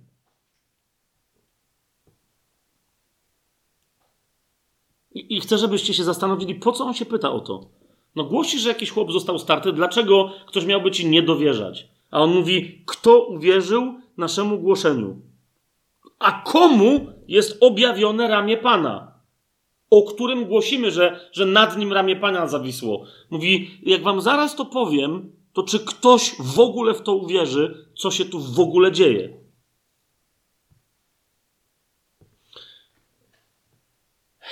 Zapamiętajcie to zdanie. Kto uwierzył naszemu głoszeniu, a komu jest objawione ramię Pana? Bo zaraz wam pokażę coś wstrząsającego. Otwórzmy sobie ten, tego samego Izajasza, szósty rozdział. Nie wiem, czy zastanawialiście się kiedyś nad jedną rzeczą. Pamiętacie, w Ewangelii Jana jest powiedziane, już o tym mówiliśmy wielokrotnie, Boga nikt nigdy nie widział. Tak? Kiedyś ktoś mi zadał pytanie, no to kogo widział Izajasz? Szósty rozdział. Szósty, powoli, szósty rozdział. W roku, szósty rozdział Izajasza, pierwszy werset. W roku, w którym umarł król Uzjasz, widziałem Pana, mówi Izajasz, siedzącego na wysokim i wyniosłym tronie, a tren jego szaty wypełnił świątynię. Serafiny stały ponad nim, a każdy z nich miał po sześć skrzydeł. Dwoma zakrywały swoją twarz, dwoma przykrywał swoje nogi, każdy z nich, a dwoma latał. I wołał jeden do drugiego: Święty, święty, święty, Pan zastępów. No, no powiedz, powiedz, wiesz, wyznawcy judaizmu, że to jest ktoś inny niż Bóg, tak? No ale Boga nikt nigdy nie widział. Okej, okay, może miał jakieś tam. E, dobra, Dobra, dobra. Piąty werset.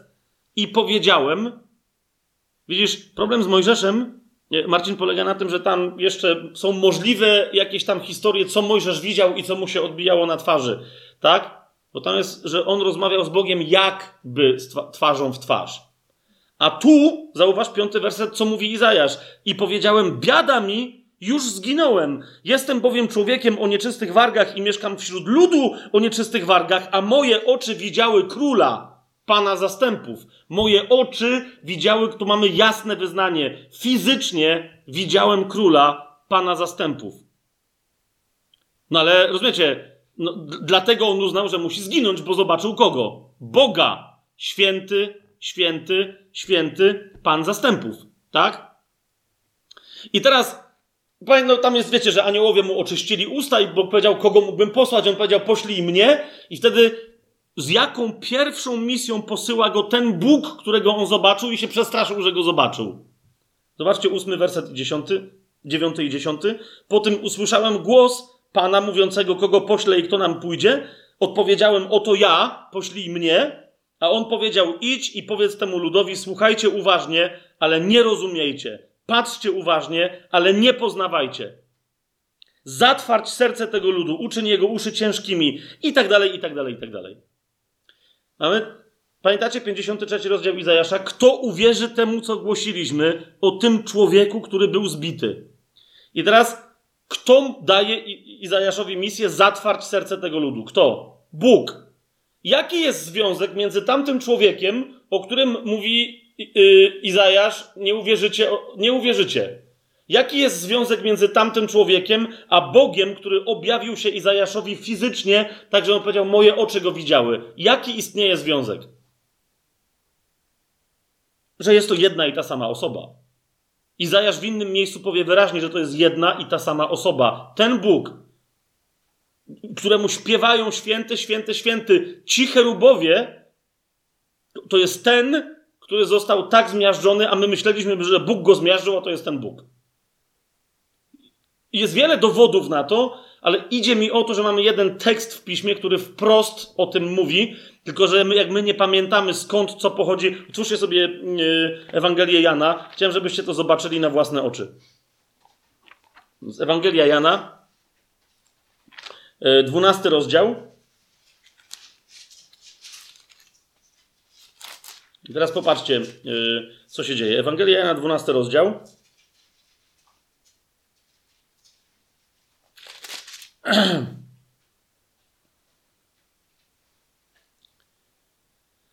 37 werset.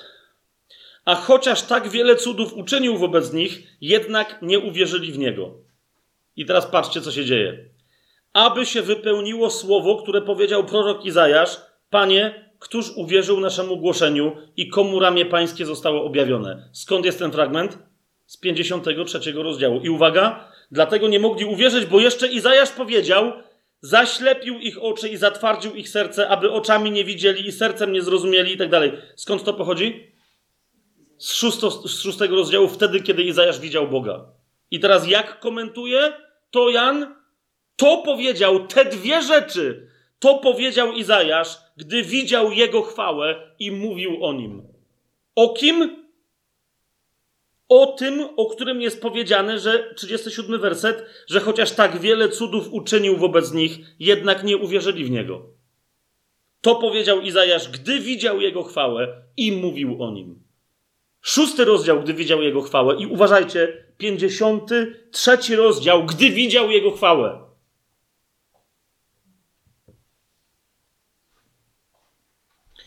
Czterdziesty drugi, jednak z przełożonych wielu uwierzyło w niego, ale z powodu faryzeuszy nie wyznawali go, aby nie wyłączono ich z synagogi. Rozumiecie o co chodzi? Tu, nawiasem mówiąc, zobaczcie, 37 wiersz, chociaż tak wiele cudów uczynił wobec nich, jednak nie uwierzyli w Niego. Nie uwierzyli w Niego jako w kogo? Jako w Chrystusa i Syna Bożego we właściwym rozumieniu tego słowa. Tak?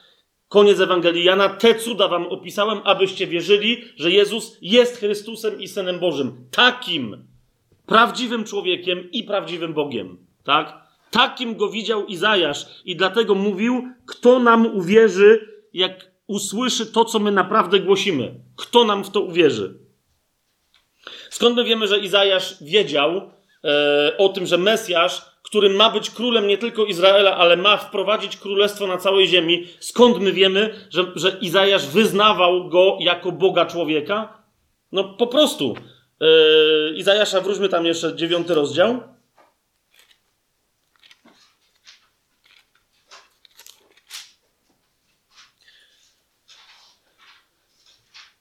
Dziewiąty rozdział od szóstego wersetu. Zobaczcie, co się dzieje. Dziecko bowiem narodziło się. Syn został nam dany. Widzicie? Kluczowe słowo syn. Jaki syn? Syn Boga jako Bóg i syn człowieczy jako prawdziwy człowiek. Skąd to wiemy? Czytajmy. Dziecko bowiem narodziło się nam. Syn został nam dany. Na jego ramieniu spocznie władza, a nazwą go imieniem cudowny, doradca, Bóg mocny. Ojciec wieczności, książę pokoju. Widzicie to? Bóg mocny, Ojciec wieczności, Książę pokoju, a rozszerzeniu Jego władzy i pokoju nigdy nie będzie końca. Zasiądzie na tronie Dawida. Widzicie, kto zasiądzie na tronie Dawida? Bóg mocny. Żaden zwyczajny człowiek. Ale z drugiej strony musi być człowiekiem, bo musi być synem Dawida, bo Dawid miał to obiecane. To, to dlatego, kiedy Izajasz zobaczył gdzie, w jaki sposób rozpocznie się objawienie chwały Bożej, że ten święty będzie tak zmiażdżony, dlatego rozumiecie, wołał, kto uwierzy temu, co żeśmy widzieli i co właśnie głosimy. Kto temu uwierzy? Temu nieprawdopodobieństwu, że Bóg stanie się człowiekiem i jeszcze przejdzie przez coś takiego. Rozszerzeniu jego władzy i pokoju nie będzie końca. Zasiądzie na tronie Dawida i nad jego królestwem, aż je ustanowi i utwierdzi sądem i sprawiedliwością odtąd i na wieki. Dokona tego gorliwość Pana zastępów. Od początku aż do końca. Dokona tego gorliwość Pana zastępów. I dlatego, y, już, bo, ojejku, bo tak, bo możemy w to wejść jeszcze głębiej, ale wiecie, dlatego nie tylko dzieje apostolskie nam mówią, że wystarczyło, że Etiop chwycił to, tę tajemnicę pobożności i wyznał ją, że Jezus jest Chrystusem i jest Synem Bożym. Dlatego też, zauważcie, list, y, pierwszy list Jana, jeszcze raz tam wróćmy, również nie mówi, że, że trzeba wyznawać Jezusa jako Pana, żeby być zbawionym. Znaczy, trzeba, ale rozumiejąc, co to znaczy, że On jest Chrystusem, który jest Synem Bożym. To, co Paweł głosił w synagogach, że Chrystus jest Synem Bożym. Nie w żydowskim rozumieniu, ale w prawdziwym takim, jak Bóg je zamierzył. Zobaczcie pierwszy list Jana, yy, czwarty rozdział, piętnasty werset. Spójrzcie.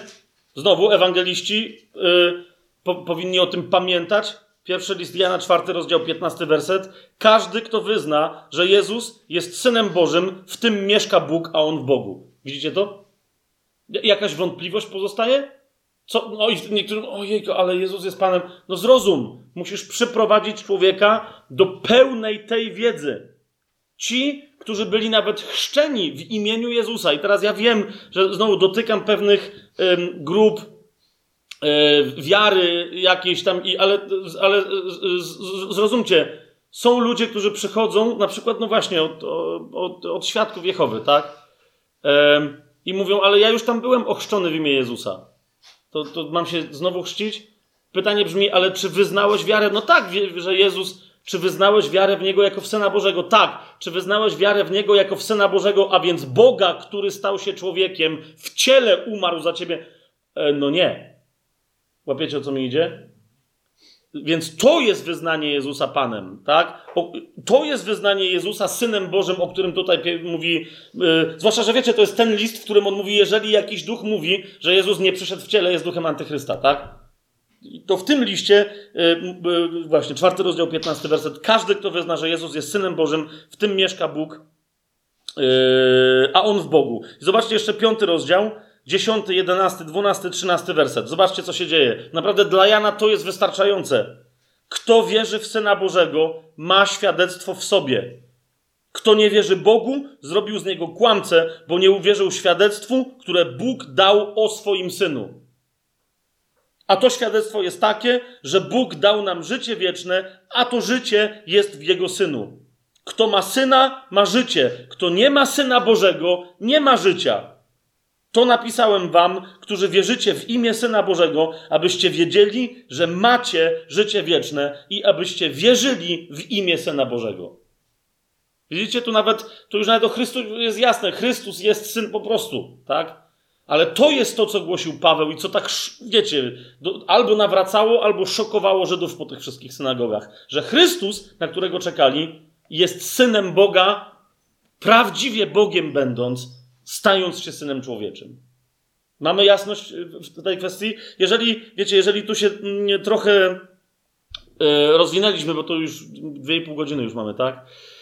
To, to, to, to wiecie, właśnie dlatego, e, żeby uczynić, e, po pierwsze, żeby ogłosić słowo na ten temat żeby mieć pełne zrozumienie dla tych, którzy E, myślą, że są e, chrześcijanami, wyznając Jezusa jako Syna Bożego, a nie wierząc w to, że jest Bogiem, albo nie wierząc w to, że, że był Synem Człowieczym, funkcjonując w ciele.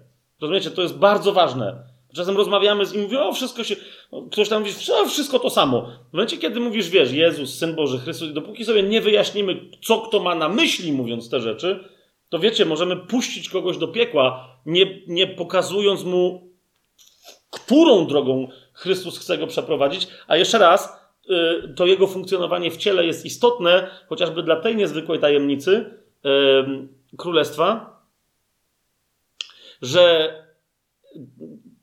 wiecie, Chrystus zasiada w niebie dzisiaj jako głowa, a my jesteśmy jego ciałem. Tak?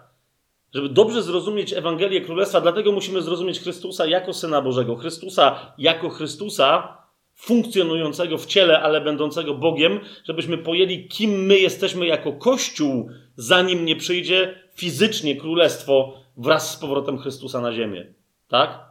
Dlatego tak bardzo potrzebujemy to względu. Ale jeszcze raz e, poruszam to głównie ze względu na tych, którzy właśnie, którzy z jakichś powodów nie chcą wierzyć, że Jezus jest Bogiem, albo że, że nie przyszedł w ciele, ale też, żeby ukłonić się tym e, wszystkim, na, na przykład właśnie świadkom Jehowy, których spotkałem już w różnych miejscach, E, którzy się ujawnili, którzy się nawrócili, którzy przyjęli wiarę w autentycznego Jezusa jako Syna Bożego, Chrystusa, który Bogiem będąc stał się człowiekiem, którzy, nie wiem nawet, czy sobie zdajecie sprawę, jakie cierpienia musieli przejść i przechodzą z tego powodu, ale są coraz bardziej śmiali i już nie boją się tych, którzy ich prześladują, ale głoszą im, błogosławiąc ich, głoszą im z powrotem Ewangelię.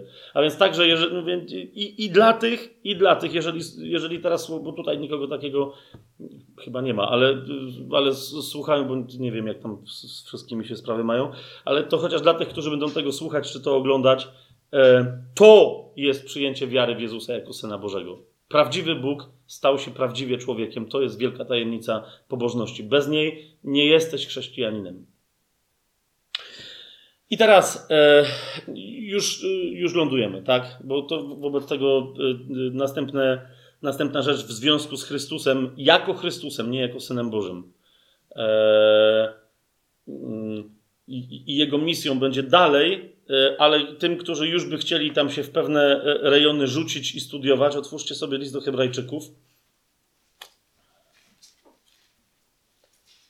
Trzeci, chcę, chcę o jednej rzeczy powiedzieć.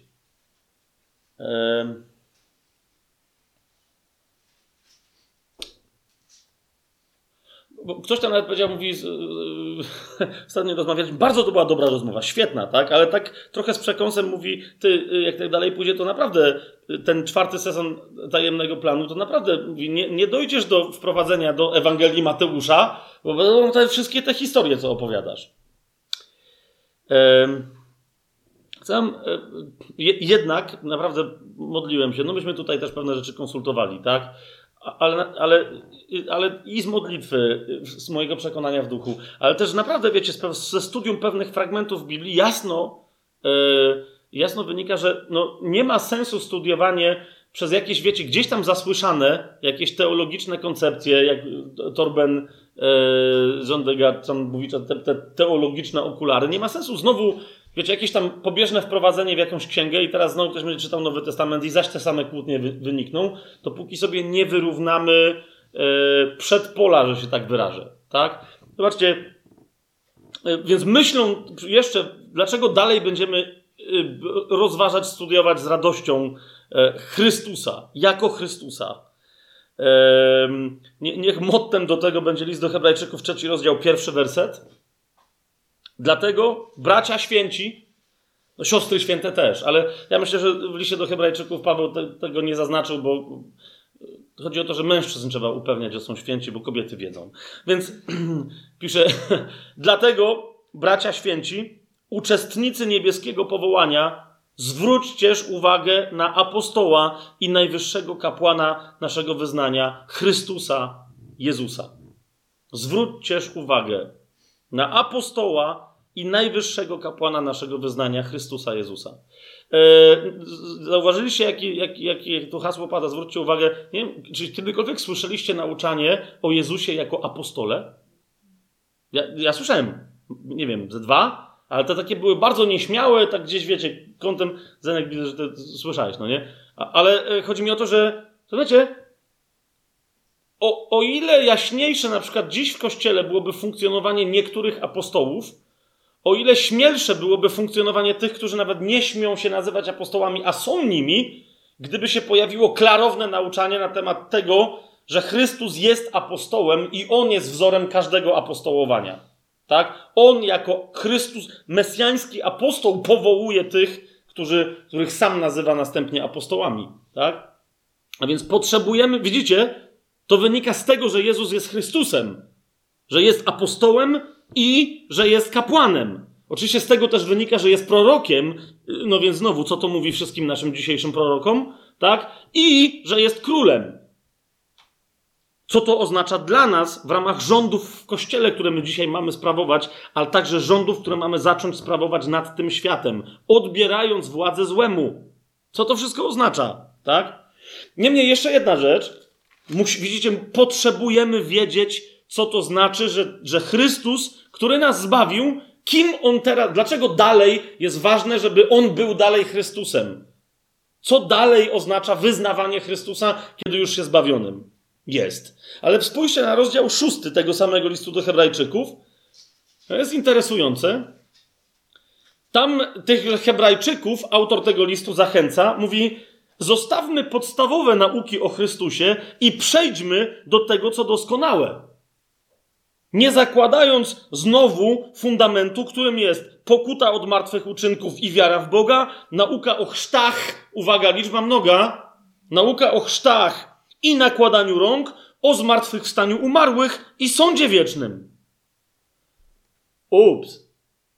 Ja nie wiem, czy jakbyśmy dzisiaj siedli z niektórymi profesjonalnymi, wiecie, nauczycielami Słowa Bożego, albo no, z różnymi ludźmi, tak? I powiedzieli, ok, no to czyli mamy jasność w kwestii fundamentów, którymi są, i tu są wymienione, tak? Zobaczcie, to są podstawowe nauki o Chrystusie. Dobra, uczeni w piśmie nasi dzisiejsi chrześcijańscy z różnych denominacji pewnie by wiedzieli, ale zaraz, idźcie do dowolnego zboru, tak? Społeczności, kościoła domowego tam gdzieś nasze. No wiecie o co mi chodzi? Czy jak za, takie pytanie, okay, czyli podstawowe nauki o Chrystusie wszyscy mają? Kto z was jest śmiało w stanie mi powiedzieć, u nas wszyscy? Tak, a z różnych miejsc jesteśmy. No kto z was mi jest w stanie to powiedzieć? Wiecie, co, co by się stało? Ludzie nam to zaczęli... Mm. A ty wtedy otwierasz mówisz, no chodzi mi o te rzeczy tutaj, bam, bam, bam. Niektórzy zrobią oczy już na widok, że chrzty są w liczbie mnogiej. Eee, Czyli co? Jeszcze jakieś chrzty nas czekają? Czy. E, oczywiście wtedy rzucisz hasło, no wiesz, na przykład nauka o chrztach to może być chrzest wodny, chrzest w Duchu Świętym, chrzest ogniem. No i już przy duchu, wiecie, kiedyś to widziałem. Chrzest wodny, jaki jest jeszcze chrzest? Na przykład chrzest w Duchu Świętym. A, okej! Okay. Ale jest jeszcze chrzest ogniem. U, to znowu nie wiem.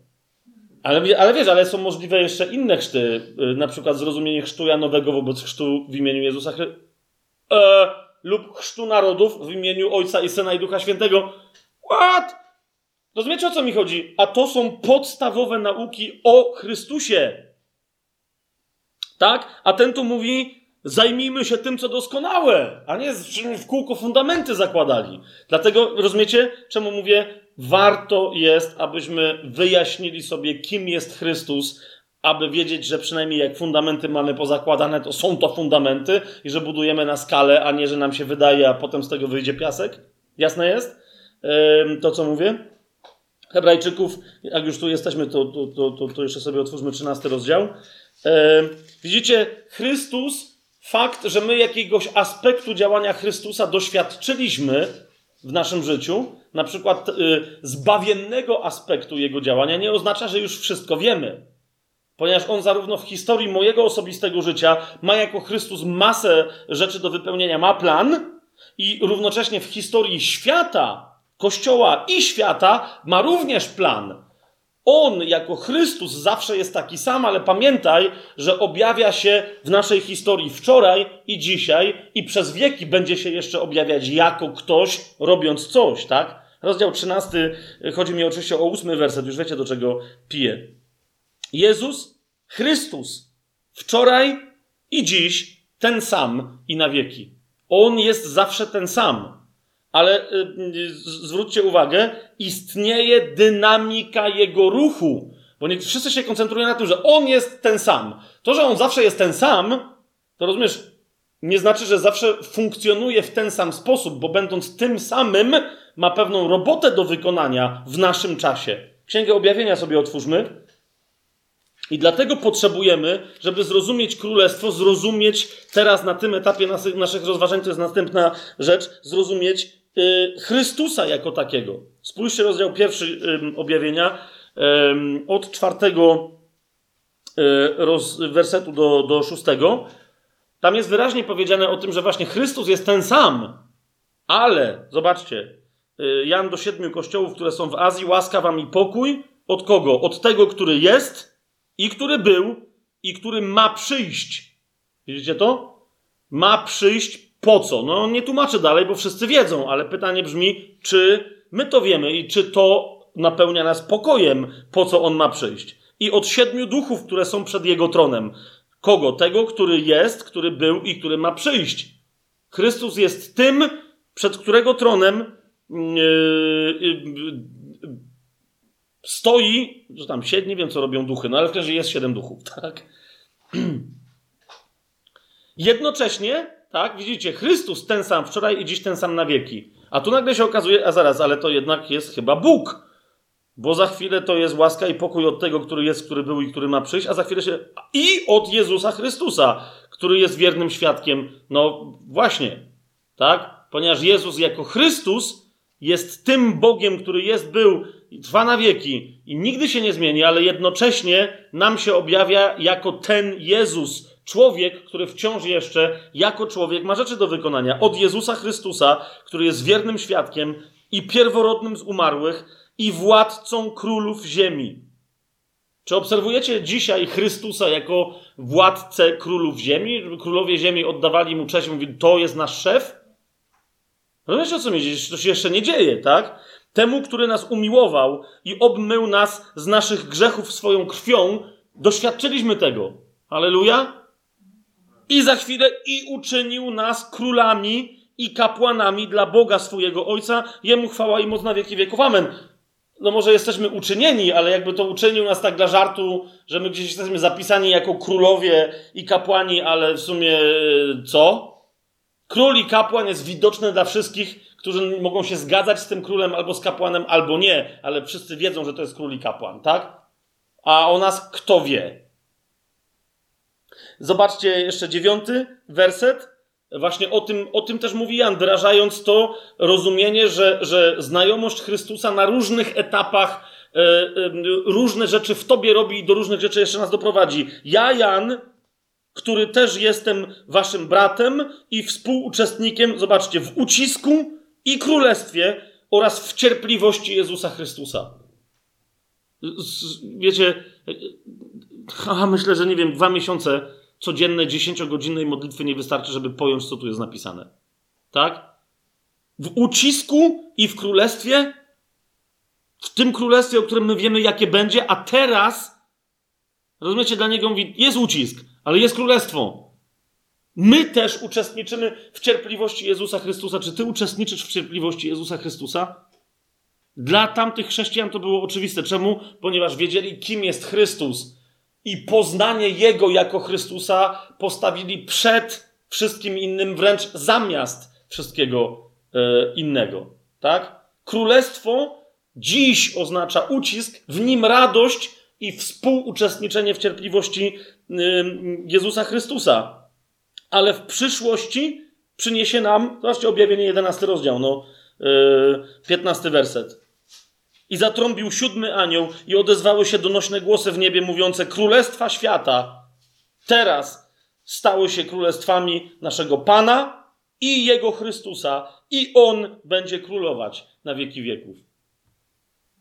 Wszystkie królestwa ziemi na razie nas uciskają pomimo tego, że my jesteśmy innym królestwem już funkcjonującym na tej ziemi. Ale przyjdzie czas, kiedy wszystkie ziemskie królestwa, zauważcie, to jest czternasty werset, po tym jak minęło drugie biada yy, i nadchodziło szybko trzecie, yy, a zatrąbił siódmy anioł, tak? Potem jak będziemy przy objawieniu, to sobie wyjaśnimy, jakie to są ramy czasowe i o co tu może chodzić. Ale to jest jeszcze przed nami, tak? To jest jeszcze przed nami. Ale przyjdzie taki moment, kiedy mm, odezwą się donośne głosy w niebie, które obwieszczą to, co się wydarzy na ziemi. Królestwa świata stały się królestwami naszego Pana i Jego Chrystusa. Widzicie? Chrystus ma jeszcze do wykonania na ziemi konkretne rzeczy. My mamy do wykonania wraz z Nim, wyznając Go jako Chrystusa konkretne rzeczy na ziemi i będzie królować, yy, będzie królować na wieki wieków.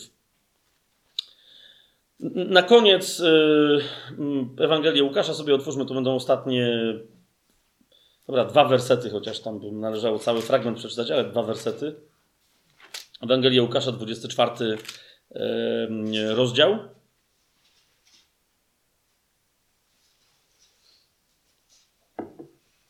Jezus e, wielokrotnie o tym mówił, tak? E, nawet nie mówiąc, że On jest Chrystusem, ale mówił, co się z Chrystusem musi dziać. I o tym nawet po swoim zmartwychwstaniu musiał przypomnieć, e, musiał przypomnieć uczniom. Otóż zanim przyjdzie to królestwo, które posiądzie wszystkie królestwa ziemi i te wszystkie królestwa ziemi będą musiały uznać Pana i Jego pomazańca i Jego Chrystusa, Jezus najpierw jako Chrystus musiał cierpieć. 53 rozdział Izajasza, niepojęta tajemnica, tak? I, i, i, I pierwsze, kiedy się objawił, przypomniał o tym swoim uczniom. 24 rozdział Łukasza, 26, 27 werset. Czyż Chrystus, to Jezus mówi, czyż Chrystus nie musiał tego wycierpieć i wejść do swojej chwały? I zaczynając od Mojżesza i wszystkich proroków, wykładał im, co było o nim we wszystkich pismach o nim jako o Chrystusie. Widzicie, czyż Chrystus nie musiał tego wycierpieć? No my, y, o, o, o, zarysowując sobie nieprawdopodobną tajemnicę, jaką jest Chrystus, załóżcie, co teraz mówię, nie jaką był Chrystus, bo my tu wszyscy jesteśmy już zbawieni. Tak? A więc nie, nie ta część, która się tyczy Jego jako Jezusa zbawiającego, ale jaką jest teraz dla nas nieprawdopodobną tajemnicą która się musi wypełnić, zanim on wróci i się wypełnia w kościele, w jego ciele. Tak? E, nie będziemy koniecznie przechodzić, zaczynając od Mojżesza, przez wszystkich proroków, bo trochę byśmy przesadzili. Mm, ale będziemy musieli dotknąć bardzo e, głęboko paru fragmentów, które również są podnoszone przeciwko Jezusowi jako Chrystusowi, albo są zapomniane dzisiaj w kościele, czy nie głoszone, e, nie mówię, że, niewłaściwie, tylko po prostu nie głoszone, e, przez co Chrystus nie może w pełni funkcjonować w swoim ciele. Spójrzcie na jeszcze 44, 5 i tam następne, nawet do 49 wersety. E, nawiasem mówiąc, zauważcie, e, to, te, te, te wersety się pojawiają po tym, jak Jezus udowadnia e, uczniom znowu, nie tylko, że był w ciele i umarł w ciele, ale że zmartwychwstał w ciele. Zauważyliście to? Zobaczcie 39 werset. Popatrzcie na moje ręce i nogi, że to ja jestem. Dotknijcie mnie i zobaczcie, bo duch nie ma ciała ani kości, jak widzicie, że ja mam. Znacie? Jasne wyznanie Jezusa. Mam ciało i kości po zmartwychwstaniu. Duch nie ma ciała ani kości, jak widzicie, że ja mam. Kiedy to powiedział, pokazał im ręce i nogi. Lecz gdy oni z radości jeszcze nie wierzyli, to jest ciekawe. Wiecie, radość, czasem z radości można dalej nie wierzyć, no nie w pewne rzeczy. Kiedy oni z radości jeszcze nie wierzyli i dziwili się, zapytał ich, macie tu coś do jedzenia? I podali mu kawałek pieczonej ryby i plaster miodu, a on wziął i jadł przy nich, a potem powiedział do nich, i to nas interesuje. Widzicie, cały czas pokazując, zobaczcie, ja jestem Bogiem, który jest człowiekiem, i nawet jak zmartwychwstałem i wracam teraz do mojego Ojca, waszego Ojca, mojego Boga i waszego Boga, nadal robię to w nowym ciele, ale ciele. Jestem Bogiem, który jest człowiekiem, jestem człowiekiem, który w pełni funkcjonuje jako Bóg teraz. Potem powiedział do nich: To są słowa, które mówiłem do was, będąc jeszcze z wami, że musi się wypełnić wszystko, co jest o mnie napisane w prawie Mojżesza, u proroków i w psalmach. Wtedy otworzył ich umysły, żeby rozumieli pisma i powiedział im: Tak jest napisane, i tak Chrystus musiał cierpieć i trzeciego dnia zmartwychwstać. I teraz zauważcie: Chrystus musiał cierpieć, trzeciego dnia zmartwychwstać. To jest wszystko, co ci pozwala, żeby doświadczyć od niego zbawienia, ale patrzcie, co się dalej dzieje. My musimy zrozumieć funkcjonowanie Chrystusa w czym? W głoszeniu Jego imienia. W Jego imieniu ma być głoszona pokuta, i przebaczenie grzechów wszystkim narodom, począwszy od Jerozolimy. Pamiętacie? w Ewangelii Mateusza Jezus mówi, y, że ma być głoszona pokuta i przebaczenie grzechów wszystkim narodom. On to nazywa jak? Ma być głoszona ta Ewangelia o Królestwie. Tak? Wszystkim narodom i dopiero wtedy przyjdzie koniec. Ma być głoszona pokuta i przebaczenie grzechów wszystkim narodom, począwszy od Jerozolimy, a wy jesteście tego świadkami. Tak? Tego wszystkiego możemy być w pełni świadkami, kiedy w pełni rozumiemy, kim jest Chrystus dziś działający w nas i kiedy będziemy my dziś działać mocą Chrystusa, który mieszka w nas.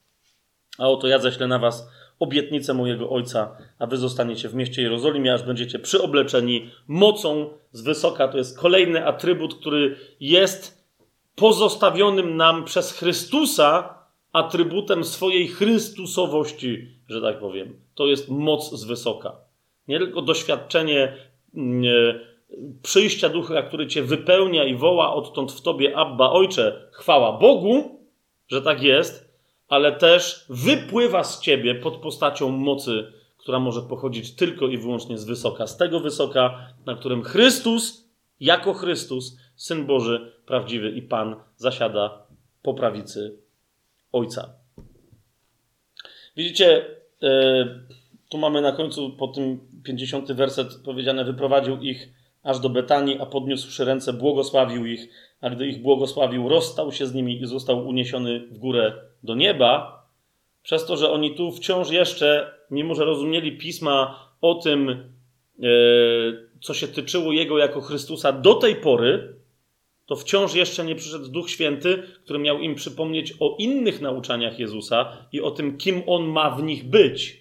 I dlatego dzieje apostolskie rozszerzają trochę ten opis i mówią, że oni wciąż nie rozumieli, czym jest królestwo, bo jeszcze nawet przed jego, że tak powiem, odlotem e, pytali go, no ale to gdzie jest królestwo, które miałeś zaprowadzić? Tak?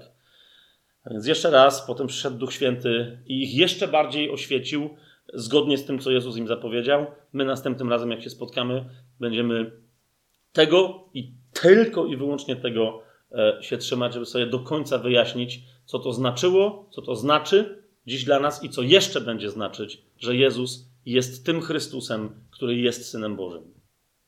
Amen? Bardzo Wam dziękuję. A! Miałem jeszcze na końcu powiedzieć, że, że cały czas z wielu różnych powodów, na przykład dlatego teraz mi się przypomniało, że jest też kalendarium, warto wejść na stronę www.tajemnyplan.pl. Dlatego, że jest tam kalendarium i tam ono jest cały czas uzupełniane, więc jak ktoś się chce na żywo z nami spotkać albo w jakimś wykładzie uczestniczyć, to tam jest napisane, gdzie się pojawi. Czy, czy niekoniecznie wykładzie, tylko w jakimś tam nauczaniu, czy jakiejś posłudze, gdzie akurat jesteśmy, no to, to, to, to tam to wszystko będzie w miarę opisane. Czy jeszcze coś miałem ogłaszać? No to jeszcze raz bardzo pięknie Wam dziękuję.